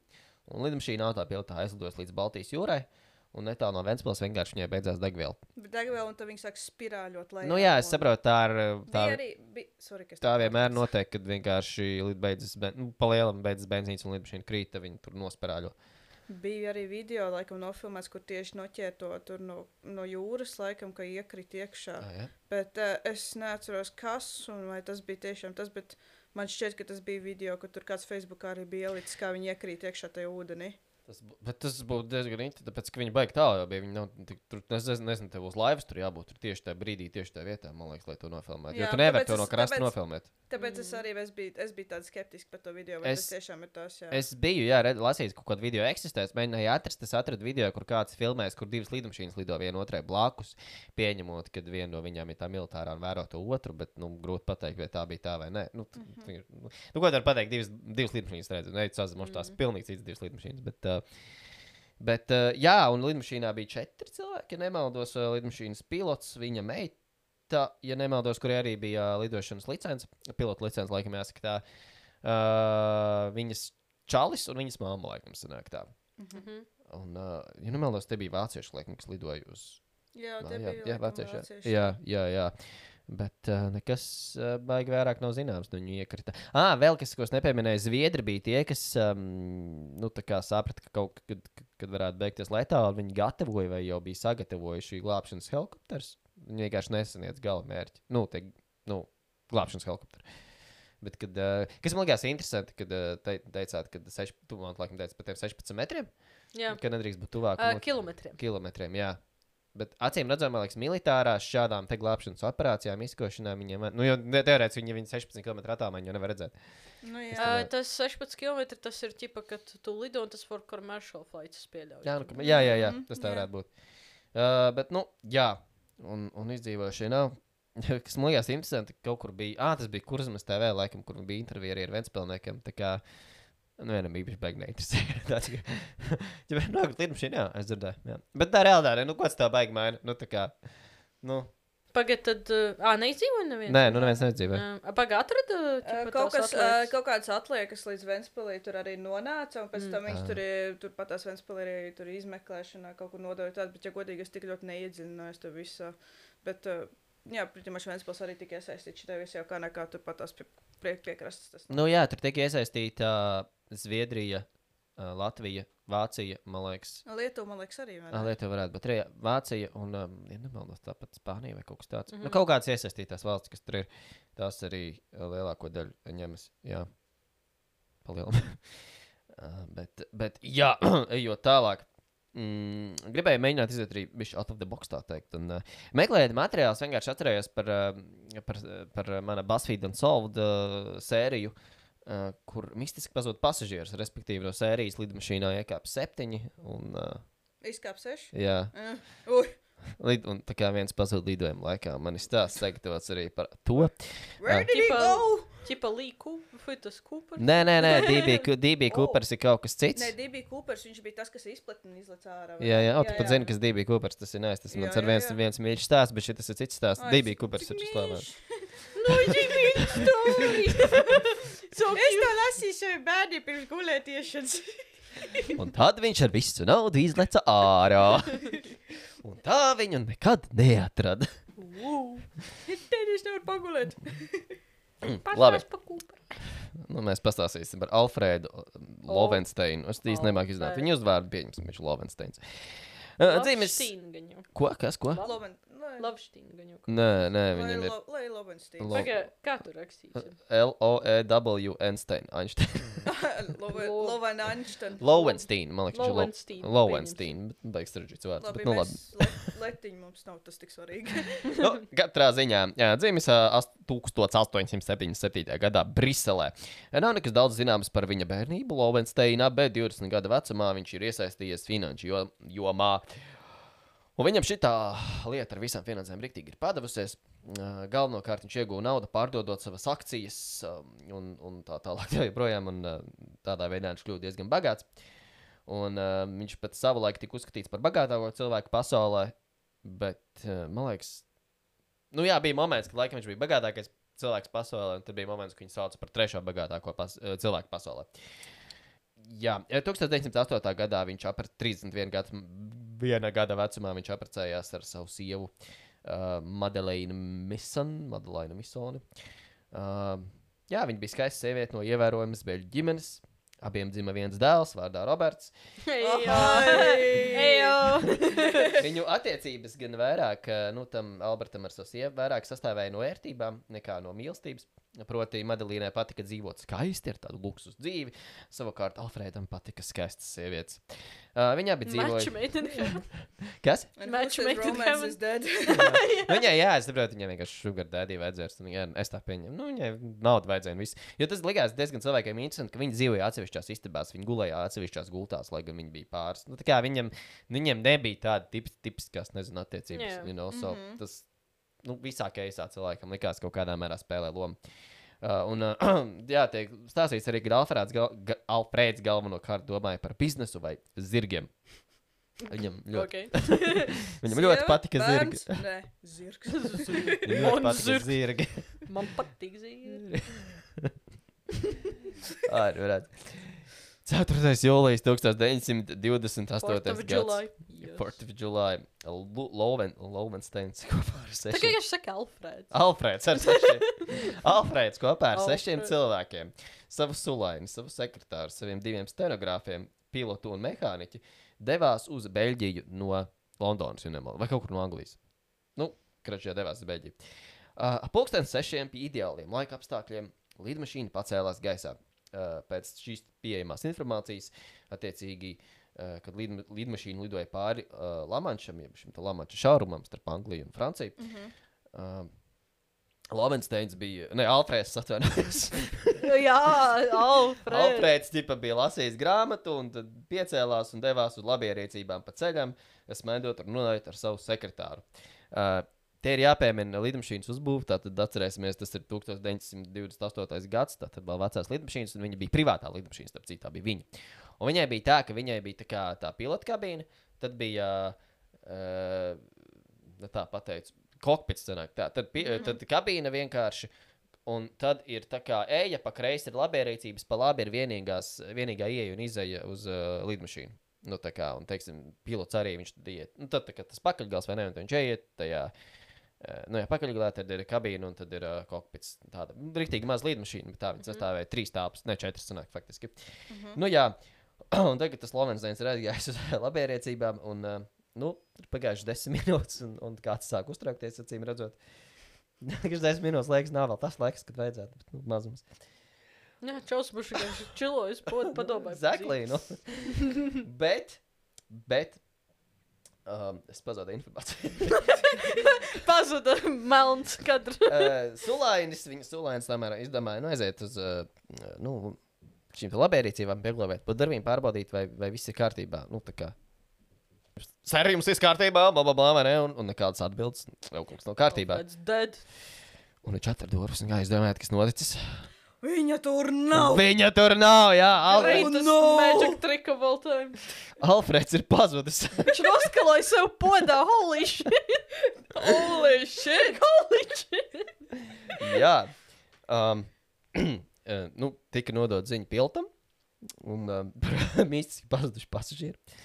Un, lai gan viņi bija 5 minūšu attālumā faktiski no lidostas Francijā, viņš uh, pilots tomēr izlēma griezt nu, lidmašīnu tā kā otrādi pa 180. Nevis ar galvu uz leju. Un, uh, no, Pazuda Alfreds. Nav vērts dzīvot. un, uh, un nolaidās. You want to skip me?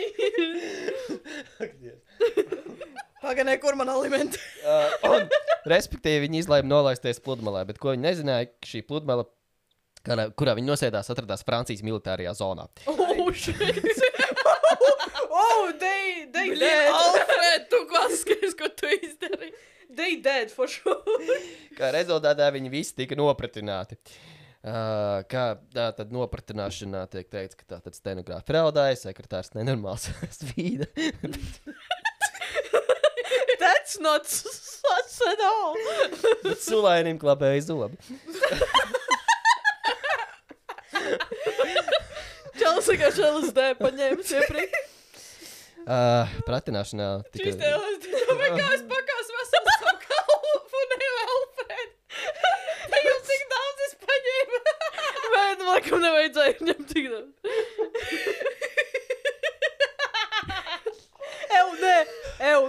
Konspirācija teorija. Viņi visi paņēma LSD un viņiem nogļučīja, ka viņa nav vienkārši. Ka tur nebija. Viņa vienkārši izgāja pēc tam desmit minūtes, ka viņa bija toaletē. viņš, ne, viņš neiekāpa idmašīnā vispār. Viņa aizmirs. viņš tā kā Anglijā palika tāds. Actually, izņemt LSD ārā, bet tas fakts, ka viņš palika, bija viena no versijām. Actually, no, bet jā, nu, attiecīgi pēc šīs nopratināšanas tas cilvēks, kurš nopratināja, teica, ka nu, viņš neko aizdomīgu nesaskata. ka nē, klap zobe nav izdomājis. Tu tur bija vairāk cilvēku sākumā nekā lidojuma vidū. Ak, Dievs. jā, uh, nu, jā, tas lietums bija tāds, ka neviens no pasažieriem nav vainīgs. Uh, tā kā atgadījums, ah, jā, tā kā atgadījums notika virs jūras šaurumu un neitrālos ūdeņos, tad sākotnēji Franči apgalvoja, ka juridiski iemeslu dēļ viņi uh, nu, nevar šai, šai lietai ķerties klāt. To pašu apgalvoja arī Angļi, nu, Briti, un to pašu apgalvoja arī Bēļģi, kā rezultātā sanāk, ka tā kā, nu, iespējams cilvēks nokrita tikko no lidmašīnas, bet kā nobody gives a fuck. Kā, jo tas bija neitrālos ūdeņos, jo sorry, nav mūsu teritorija. tā kā visiem pilnīgi vienalga. Kandēm Tur tā lieta, bet kur tu viņš īsti nokrita? Līdz ar to vienīgais cilvēks, kam interesēja šī lieta, bija viņa sieva. Kāpēc? Es domāju, teikšu, viņš ir šitais uh, Zirgs. butlers. Zirgs. Ko? Zirgs tāds, pagaid, let me get my detective hat on. I got an, got investigation. Kāpēc sieviete, jo pēc beigļu likuma, ja nav ķermenis, tad nav miršanas apliecība. Nu, viņš ir pazuds, vai ne? Ja nav miršanas apliecība, tad viņa nevar iegūt nekādu manto, eh, nekādu mantu, ja nav mantojuma. un Līdz ar to eh, šajā gadījumā Lovensteina nu, šis īpašums būtu jāslēdz vismaz uz četriem gadiem. Sieva sašutusi. Jā, līdz ar to sieva izsludināja ķermeņa meklēšanu ar nu, baigo atliecību, ja viņai baigā nu, nauda. Ir. Tad sākās interesantā lieta, kad. Kad, eh, kad, kad, kāpēc man te trūkst raksts? Bet, nu, labi. Uh, interesanti, uh, sākās interesantā lieta, ka tad arī cilvēki uh, sāka, presa sāka rakstīt par, par viņa pazušanu, un cilvēkiem pēkšņi tas viss sāka interesēt, jo tur tā naudas atlīdzība. Un uh, tad parādījās raksti par acu lieciniekiem, ka viņi redzējuši, jā, ka viens tur zvejnieks, jā, tur sēdēju, es redzēju, viņš tur uh, izplatni tā kā nosēdās un uh, uzsēdās tā kā uz laivas, tā kā, nu, tur ķip, kad laiviņu sagaidīja ūdenī. Un tad bija cits, kurš teica, jā, jā, es redzēju, kā viņš tur at, nu, atpeldēja to laivu, iekāpa mašīnā, krastā viņi tur sagaidīja, viņš kaut kur aizbrauca. Un, un tad uh, bija trešais variants, kad viņam vienkārši parī, ka viņš esot Parīzē un kad viņš viņam esot kā fēr, nu, ka viņš krāpa savu sievieti ar kaut kādu citu sievieti. Un tad bija, protams, vēl jā, kā, kāds viņu tur bija redzējis Hamburgā, kāds viņu tur bija redzējis, kur tur vēl Beļģijā, Parīzē, Anglijā, jā, ka viņš tur Anglijā ir palicis. Nē, leģit tā ir vislabākā teorija. Viņš vēl neiekāpa vispār, un viņam vienkārši nogaļķīs. Jā, un tomēr 19. jūlijā, aptuveni 10 jūdzes no franču krastiem, zvejnieks atrada Lovensteina līķi. Pēc kā viņš atrada viņu, uh, viņam uz rokas bija pulkstenis, ar, ar, nu, kur bija iegravēts, ka tas ir Lovensteins. Pēc tā, nu, viņš Viņi kaut kā pieņēma, ka tas ir uh, tas īstais līdzi. Uh, bet uh, viņš bija, es nezinu, cik viņš bija ilgi pavadījis ūdenī, bet tur bija tāds tipa fun fact, ka viņš esot tā smirdējis, ka tie zvejnieki viņu esot ar kaut ko apseguši, piestējuši un izmetuši ārā no laivas. tā kā, Un tā kā nu, peldējuši bez viņa, tā kā viņš piesēdz kaut kur nu, zem ūdens, vēl kāds līdzi vienkārši. Nu, jā, un tad viņi uh, izvilka viņu ārā, un autopsija uzrādīja lielu brūci vēdrā. Tāpat uh, to, ka visi kauli vai lielākā daļa kaulu esot lausti. Uh, tāpat autopsija sako, saka, ka Lovensteins esot bijis dzīves līdz brīdim, kad viņš ir iekritis ūdenī. Viņš ir miris nu, tajā brīdī, kad viņš saskāries ar ūdeni. Mm -hmm. Un, uh, jā, nāves iemesls tā ir esot kritiens no 4000 pēdu augstuma. Bet es domāju, gan tas tur, tas tur sitiens pret ūdeni, tas jau vien ir, lai salauztu visus kaulus. nezinu. Nu, jā, es pieņemu arī, ka tas bija. Nu, tas jā, jā, jā. Tas ir. Uh, jo augstāks kritiens, jo vairāk ūdens kā betons, principā. Jā, paliek. jā, jā. Jā. Bet v- tad ir jautājums, tā kā, kādas bija būvētas lidmašīnā tās toaletes, ka vienkārši varēja, nezinu, jo viņš aizgājis to, kā viņš izkrita. Nu, par to ir arī tās teorijas, kas tad tur notika. Nu, ir skaidrs, jā, ka viņš acīm redzot, kaut kādā brīdī, lidojot virs neitrāliem ūdeņiem, ir izkrits no lidmašīnas. Bet pirmā, iekrita podā. pakaļ. uh, tātad, jā, pirmā teorija ir tāda, ka tas bija nelaimes gadījums.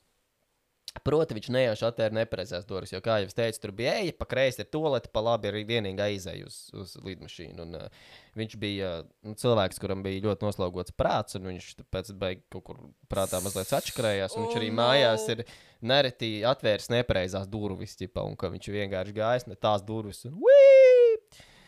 Uh, Tā kā bišķi pārējai nejustu gaisma plūsmu. Vai tā kā nejūs, nejūs Jā. Jā, exactly. uh, bija tā visa tiesa, un pilots un mehāniķis šajā tiesā apgalvoja, ka, uh, ah, starp citu, mehāniķis, fun fact, man liekas, viņu sauc Roberts Little.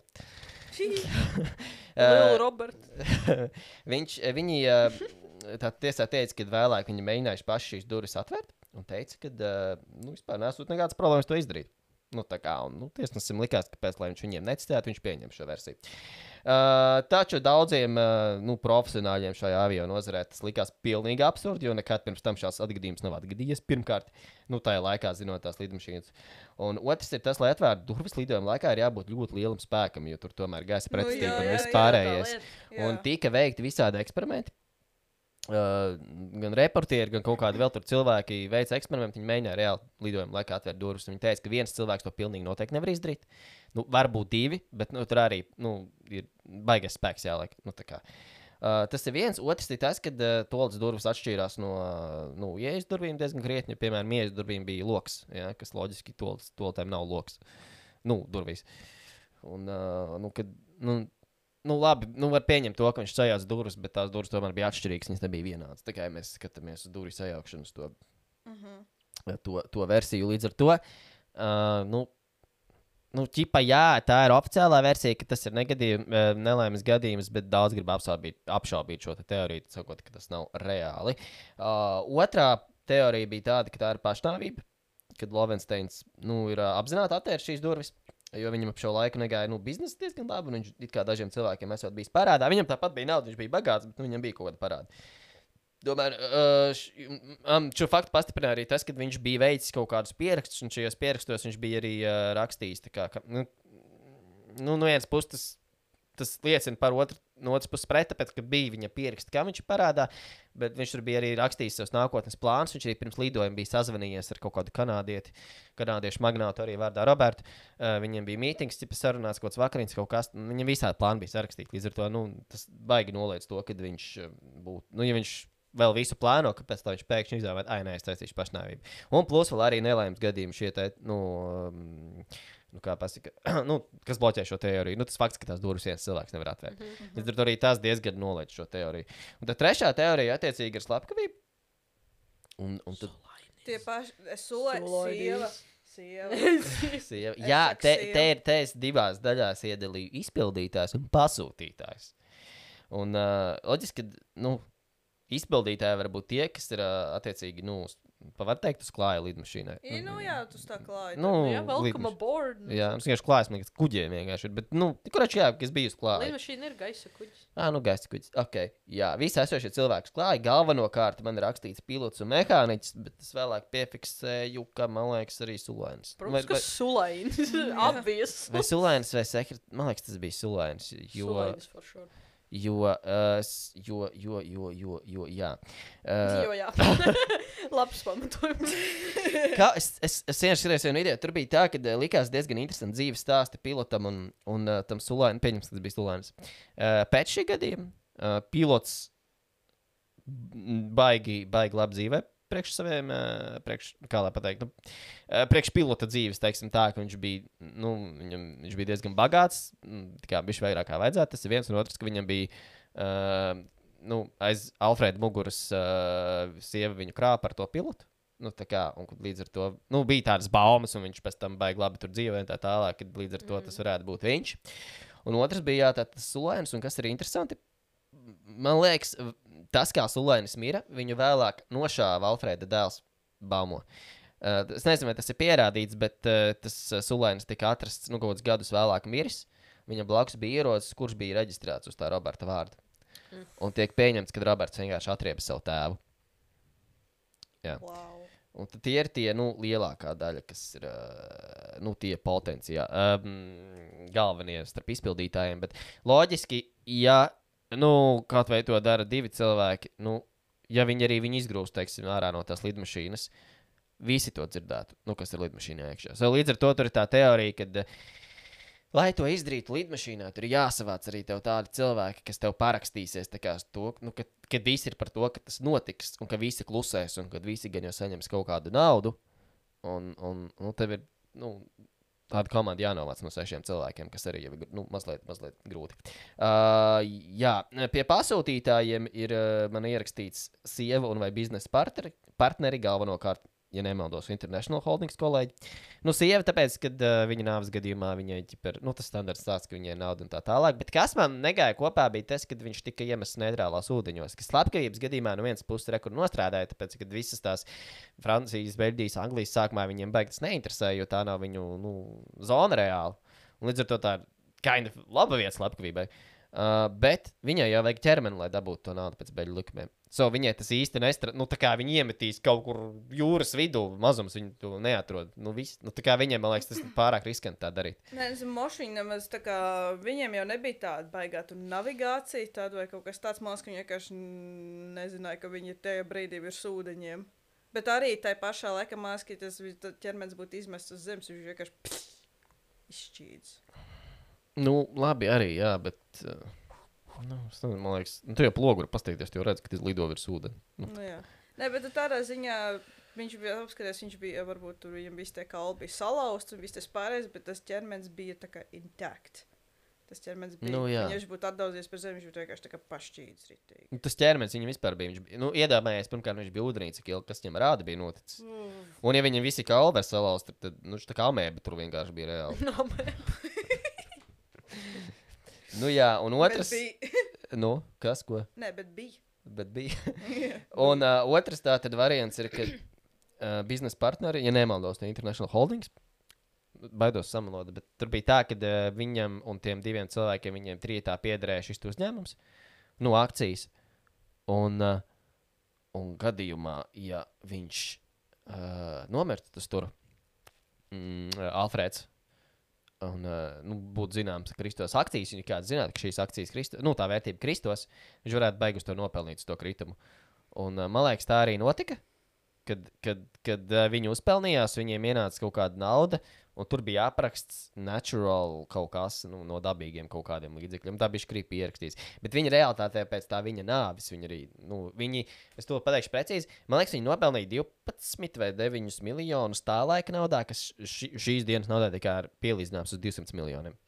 Uz viņa nāves rēķina viņa 200 miljonus nopelnīja. Nu, ķipa, Wow. ja tā būtu šodien. Un Tāpēc ķipa, viņiem tas bija izdevīgi. Bija vēl viens čels, kāds gangsters, aizmirsu viņa vārdu, kurš arī tika pieminēts šajā sakarā, kurš bija diezgan slavens ar to, ka viņš bieži kā tos savus biznesa partnerus, un viņiem tur, tur bija arī kaut kāds savs deals, bet viņš uzturējās, ka tas Alfrēds mēdz būt diezgan nestabils, un kad viņam varētu kaut kas noiet greizi, un kaut kas tāds, un ka tur varētu būt arī viņa pirksts, un kad viņš iespējams to slepkavību uh, pasūtīja, bet baigi grūti saprast. Nu, Vai, vai šie cilvēki būtu tie, kas strādā kā viņa labā? Nu, tur baigi grūti bija savilkt tās paralēlas. Vēl viens cilvēks, kas diezgan šeit šajā lietā ir uh, pilots mehāniķis Roberts Little. Tāpēc, kad uh, viņš pirmkārt, uh, viņš arī kaut kādas mahinācijas tur veidoja, viņš slēpa uh, tos pierakstus, kas bija. Jo bija tāds fakts, ka tie pieraksti ir, bet viņi ir pie Roberta Little, bet viņi, neku, nu, viņi nav nekur publiski nonākuši. Un Robertam Littlam tas esot izdevīgi, jo, ja tur kaut kā sanāk tā, ja tie um, pieraksti netiek atklāti, tad, uh, nē, precīzāk sakot, ja viņi tiktu atklāti, tiktu atklāti, tad tiktu izslēgta teorija par pašnāvību. Kas uh, gadījumā, ja tā ir slepkavība, tad, uh, nu, ja tev ir teiksim, šie te trīs varianti, nelēmas gadījums, pašnāvība, slepkavība, tad izslēdz pašnāvību, paliek divi. Ja, tas viņam mm. -hmm. neizdevīgi, tāpēc viņam ir izdevīgi, lai viņi ir augšā visu laiku gaisā tā teorija Mhm. no ķipa. Un, um, man liekas, Roberts Littles savai sievai kaut kad nāves dienā, vai kaut kādā esot teicis, kad uh, viņš viņu esot lidojuši, un tajā brīdī, kad viņš esot gājis to ķipa, viņam esot bijis slikti. Nu, kā, Un uh, gasping for air, kas man liekas, divi, nu, viņam gaisa vajadzēja. Tas ir, oh, jā, viņš atvēra durvis. Gaisa. Oh, viņš smacīgs. Pagaunāks vajag gaisa. bet, eh, bet te arī parādās tas, ka uzreiz divi dažādi stāsti. Tas galvenais, nu, tas primārais stāsts, jā, viņš tur lasīja grāmatu, un tad viņš tur visiem parunājās, un aizgāja stūlīt, un tagad pēkšņi atgalā. Ah, nē, viņam vispār sūdīgi palikās. Un kas vēl, vēl liekas interesanti, tas, ka viņš patiesībā nelasīja grāmatas. Tikai labi, ka, protams, viņš varētu izdomāt, tas varētu sākt, bet, eh, bet eh, bija tāds fakts, viņš nelasīja grāmatas, un tāpēc tas stāsts liekas mazliet šeidī. Un, eh, un mēs jau, ne, nu, kā, mēs jau nezinām, kas notika tajā lidmašīnā. Mēs zinām tikai tik, cik tie apkalpes locekļi ir pateikuši. Un mēs jau nezinām, viņi melo vai viņi nemelo. Jā, nu, tā kā, ko, tā kā, tā kā, tā kā, nu, jā, nu, nu, tā, tā šis stāsts apmēram beidzās par uh, pazudušo uh, pasažieri. Un uh, tāds pēdējais, man, kas ir ierakstīts, ir uh, tāds laikam slavenākais gadījums mm. par Flight uh, Malaisijas uh, 370. Jā, Malāzija. Malā, mm. Malāzija. Mal, ma, ma. Uh, starptautiskais, starptautiskais reizes, kurš pazuda 14. gada 8. martā, lidoja no Kuala-Lumpūras uz Ķīnu, uz Pekinu. Uh, lidmašīnas apkalpe ar gaisa satiksmes vadību sazinājās uh, pēdējo reizi 38 minūtes pēc pacelšanās. Pēc tam pazuda gan sakara, gan atrašanās vieta radarā. Um, tā kā Nu jā, nu, kurš tiek uzskatīts, ka transmiteris, eh, jeb transporteris, es nezinu, pareizi iztulko. Transportieris. Transporti. Transmiteris, transporteris, transporter, angļuiski vārds. Tik, tik uzskatīts, ka viņš tika izslēgts manuāli. Tāda baigā teorija pastāv. Nu, katrā ziņā lidmašīna pad- pa, pazuda no tā radara, bet viņa nepazuda no militārā radara. Viņš- Viņš parādījās mūsu. Ko? Parādījās uz mūsu. Ah, viņa parādās mūsu radarā. Jā. Jā, man liekas, tas tāds jāsaka, viņš citādāk. Anyway, uh, viņš, kročā, jā, viņa pazuda no radara, tad, tad tika izsaukta trauksme, un uh, tā kā viņa pazuda, tai, nu, ūdens, es nezinu, kas tā jūra sanāk starp Ķīnu un Malaiziju, tur, es vienkārši aizmirsu viņa nosaukumu, tad visi kā devās meklēt viņu tur. Tas, ko viņi nezināja, ka patiesībā tajā brīdī, kad viņi vēl meklēja, lidmašīna vēl trīs stundas bija gaisā, bet pilnīgi pretējā virzienā. Bet viņi to uzzināja tikai četras dienas pēc tam, kad viņi saņēma ziņu no, uh, no militāriem, sanāk, no, bija, nu, no tā militārā radara, kurš uzrādīja, kurš bija uztvērs to lidmašīnu, kurš parādīja, ka viņi ir mainījuši kursu, lidojis atpakaļ uz Malaiziju, un tad viņi ir atkal mainījis kursu, pārdojis pāri Malaizijai un, uh, un, un nu, aizlidojis līdz vienam punktam. Un tad atkal pazuduši sakari, jo tas nu, Malaisijas militārais radars viņš uztver tik tālu, cik viņš uztver. Mm -hmm. Un, uh, un tad viņi saprata, ka viņi, es, ka viņi vispār meklē nepareizā vietā. Pēc četrām dienām kāda lidmašīna jau bija nokritusi. Un tad viņi pārvācās uz Indijas okeānu. Sanāk, tas sanāk, jā, viņi ielidoja Indijas okeānā. Un uh, tad viņi sāka meklēt Indijas okeānā to lidmašīnu. Un tad viņi saņēma ziņas no satelīta, jo satelīts, viņš, nu, tā lidmašīna bija aprīkota kaut kā tā, ka satelīts viņu varēja uztvert. Viņš varēja, bet tādā ziņā, ka viņš varēja sūtīt signālus, un ja signāls tā kā atnāk atpakaļ vai tiek pieņemts, tad skaidrs tā lidmašīna tur, tas viss, ko viņi varēja izdarīt. Un, uh, un uh, pēc šiem signāliem tika izskaidrots, kur tā lidmašīna ir lidojusi tālāk, uh, respektīvi, nu, uz dienvidiem, sanāk uz Austrālijas pusi. Un, uh, un, un, un, un, jā, un kaut kādos astoņos no rīta šie signāli ir sūtīti, viņi ir saņemti, kas liecina par to, ka lidmašīna tajā brīdī esot bijusi gaisā. Tad vienā brīdī lidmašīna pati ir sūtījusi signālus, viņa ir nesūtījusi satelītam, viņa viņa ir sūtījusi tātad pati. Um, bet par to parasti liecina tas, ka, uh, nu, pareizāk sakot, tas notiek tādos gadījumos, kad uh, ir uh, failures, system failure. Nu, kā, respektīvi, kad nu, jau viss iet uz beigām, tad lidmašīna izsūta šos signālus kaut kādā ziņā. Uh, vēl bija tāds fakts, ka es nezinu, kas tas satelīts vai kas. Uh, viņi mēģināja sazvanīt lidmašīnu, un uh, signāls arī bija. Vienkārši neviens necēla. Nu, tā kā, ko, nu, tā kā sakonektēja, bet neviens necēla. Un, uh, un pēc tam 9 no rīta viņi atkal mēģināja to signālu, un signāls vairs nebija. Kas attiecīgi bija skaidrs, ka laikā no 8, nezinu, 14 līdz 9, 12, kaut kādā tajā laikā posmā starp šiem signāliem kaut kāda šī lidmašīna ir nokritusi. Uh, un, un, un, un, un, un uh, jā, nu, tas bija principā tas, kas. mm, es Apstāšos ātrāk, tekstā kaut ko izlaižu. Ah, rekomendācija rakstīts tad no 8, 19 līdz 9, uh, 15. Jā. Uh, jā, sākumā kā, ah, tas bija Sijāmas līcis starp, starp Vietnamu un Malaiziju, kur sākumā notika šī meklēšana. Uh, bet jā, tika pieņemta, ka tā ir tā vieta, bet nu, tad, kad noskaidrojās tā aptuvenā vieta, kur tā lidmašīna ir nokritusi, nu, pēc visām šīm te teorijām, nu, tur tika uzsākta meklēšana, bet arī nekas netika atrasts. Un pēc gada uh, Reunīno salā, ja nemaldos, viņas krastos tika atrasta pirmā detaļa no lidmašīnas, uz kuras nu, bija spārni detaļas, kuras bija arī uzrakstīts, ka tas ir no šīs te Malaizijas um, flight 370. Un pēc tam, attiecīgi, vēlāk citas daļas parādījās arī Madagaskaras un Āfrikas krastos. Nav gan baigi daudz, kas atrasts, man liekas, kuras 11, varbūt 20 ā, šīs kaut kādas daļas vai kaut kādas lietas no lidmašīnas atrastas. Bet tā skaitā ir gan, gan attiecīgi, nu, korpusa daļas, gan, teiksim, krēslas vai kaut kāda soma. Bet nu, tas soma ir tāds, nu, šeidī viņi varētu būt, viņi varētu nebūt. Nu, tas tāds pieņēmums ir katrā ziņā. Bet, um, tas ir tas, kas ir zināms par Flight 370. Um, tu, tu, tu, tu, tu, tu, Es tur pieliku. Tu tur pieliki, jā, es vienkārši bailu, ka es kaut ko pasaku, tad tas ieraksts par, par uh, potenciāliem cēloņiem. Nu, vismaz tas, ko es zinu, nu, teorijām, kas bija mm -hmm. vainīgs. Sākumā bija doma, ka viņi ir hijackoti. Uh, Tik arī nu, mm, pamanīts, ka ir divi cilvēki ar uh, fake pasēm. Jā, tas man arī viens fakts bija. Jā, bet, uh, bet kā tika izsakot nu, kaut kā viņa dzīvesveids. Viņi bija tikai nedēļa Malaisijā, kas likās diezgan dīvaini, bet acīm redzot, viņi, viņi ir bijuši kaut kādi bēgļi. Jo pētot arī viņu tā tās vēstures, viņiem vispār nekādām zināšanām par lidmašīnas vadīšanu nevajadzētu būt. Nu, tā kā, līdz ar to viņi diezgan ātri tika izslēgti. Un uh, tagad Montigan jau man uh, labos papildinās, bet tur bija tas uh, fakts, ka ka, ah, nē, vot ko es atceros par pilotu. Arī par vienu no tiem pilotiem bija diezgan šeit īstenībā. Tagad gan es tādu informāciju neatradu, bet es atceros, ka tikko tas bija noticis 14. gadā. Uh, tad gan es tādu informāciju vienkārši atceros, ka nu, kā, viņam bija simulators mājās, tam galvenajam pilotam. Un, uh, Tas kompis tika pārmeklēts. Varbūt tas bija fake story, bet tika atrasts, uh, nu, viņam ir tas flight radar tā programma, un tur var redzēt kaut kādus vēsturiskos tos lidojumus. Varbūt. Un bija redzēts, ka viņam ir viens lidojums ar tieši tādu pašu tā kā, apmēram, maršrutu, kā ir nolidojis. Nu, kā.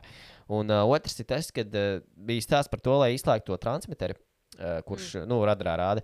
ka Tur ķipa baigi. Nu, kāpēc es liekas, ka tas ir manuāli? Tāpēc, ka tur baigi jāmāk to izdarīt. Nu, cil, nu, varbūt bija sistēma failure kaut kāds arī, un tāpēc viņš izslēdzās ārā. Bet baigi tiek uzskatīts, ka tur ir jāmāk to darīt, un ka tur jābūt Viņš bija, pirmkārt, viņam bija simulators mājās, ja, kas nozīmē, ka viņš varēja mācīties tās sistēmas. Otrkārt, viņš bija nenormāli pieredzējis pilots. Un treškārt, uh, nu, tāda bija absurdi, bet uh, dažas stundas pirms lidojuma tika apcietināts vai kaut kas. Tur bija kaut kāds aktīvisms arī tajā Malaisijā. Tur kaut kāds aktīvists bija, nezinu, vai politiķis vai kas. Un uh, viņš uh, nu, bija, nezinu, viens, ne viņa fanāts, bet, nu, es nezinu, nu, kā viņš bija par viņu un, un, un viņu apcietināja. Un, un, nu, tad, ķipa, varbūt, nezinu, viņš izdomāja, ka, ai, viss tagad nav jēga dzīvot. Nezinu. Nu, baigi, nu, vismaz man tas pilots baigi šeit likās. Un vēl bija tā teorija, ka tā kā lidmašīna mainīja kursu. Labi, viens bija tas, ka varbūt viņi saprata, ka kā kaut kas nav kārtībā. Viņi atgriezās Malaisijā, bet again viņi turpināja lidojumu. Un tad viņi pagriezās, viņi lidoja ar kaut kādu puseli vai kaut ko, kur tas pilots dzīvoja. Un Tad bija tad cilvēkiem tādas teorijas, ka, hei, pilots vienkārši pēdējo reizi noskatījās no augšas, kā no savām mājām atvadījās un tad aizlidoja. Bet, uh, bet nu, kā tur kas notika, tas arī ir dīvaini. Un tad, kad uh, Labi, ir skaidrs, ka kādā brīdī ieslēdzās autopilots, bet tur ir tas moments, kad viņi pārlaižas Malaisijai pāri, un tad viņi kaut kā sanāk, nu, gandrīz pa 270 grādiem pagriežās. un Tur nu, runā, ka tur manuāli jāpagriež lidmašīna, ka tur nevar būt autopilots. Bet pēc tam, gan, kad viņi ir pagriezusies pa 270 grādiem, viņi vienkārši lidojuši taisni kaut kādas, nezinu, 5-6 stundas līdz vienkārši beigusies degviela. Jā, tas ir. Um, nu, jā, un tad trešās teorijas bija par kaut kādiem sistēmu malfunkcijiem, kaut ko tādu, ka tur var būt kaut kāds um, iekšējs uguns no kaut kā ir parādījies. Met... es, es vienkārši nu, neizpratu to versiju līdz galam, jo tur kaut kāds e- engine, engine power nevarēja nekādīgi aizdegties vai izslēgties, bet kaut kas cits varēja. Tad varbūt varēja kaut kas.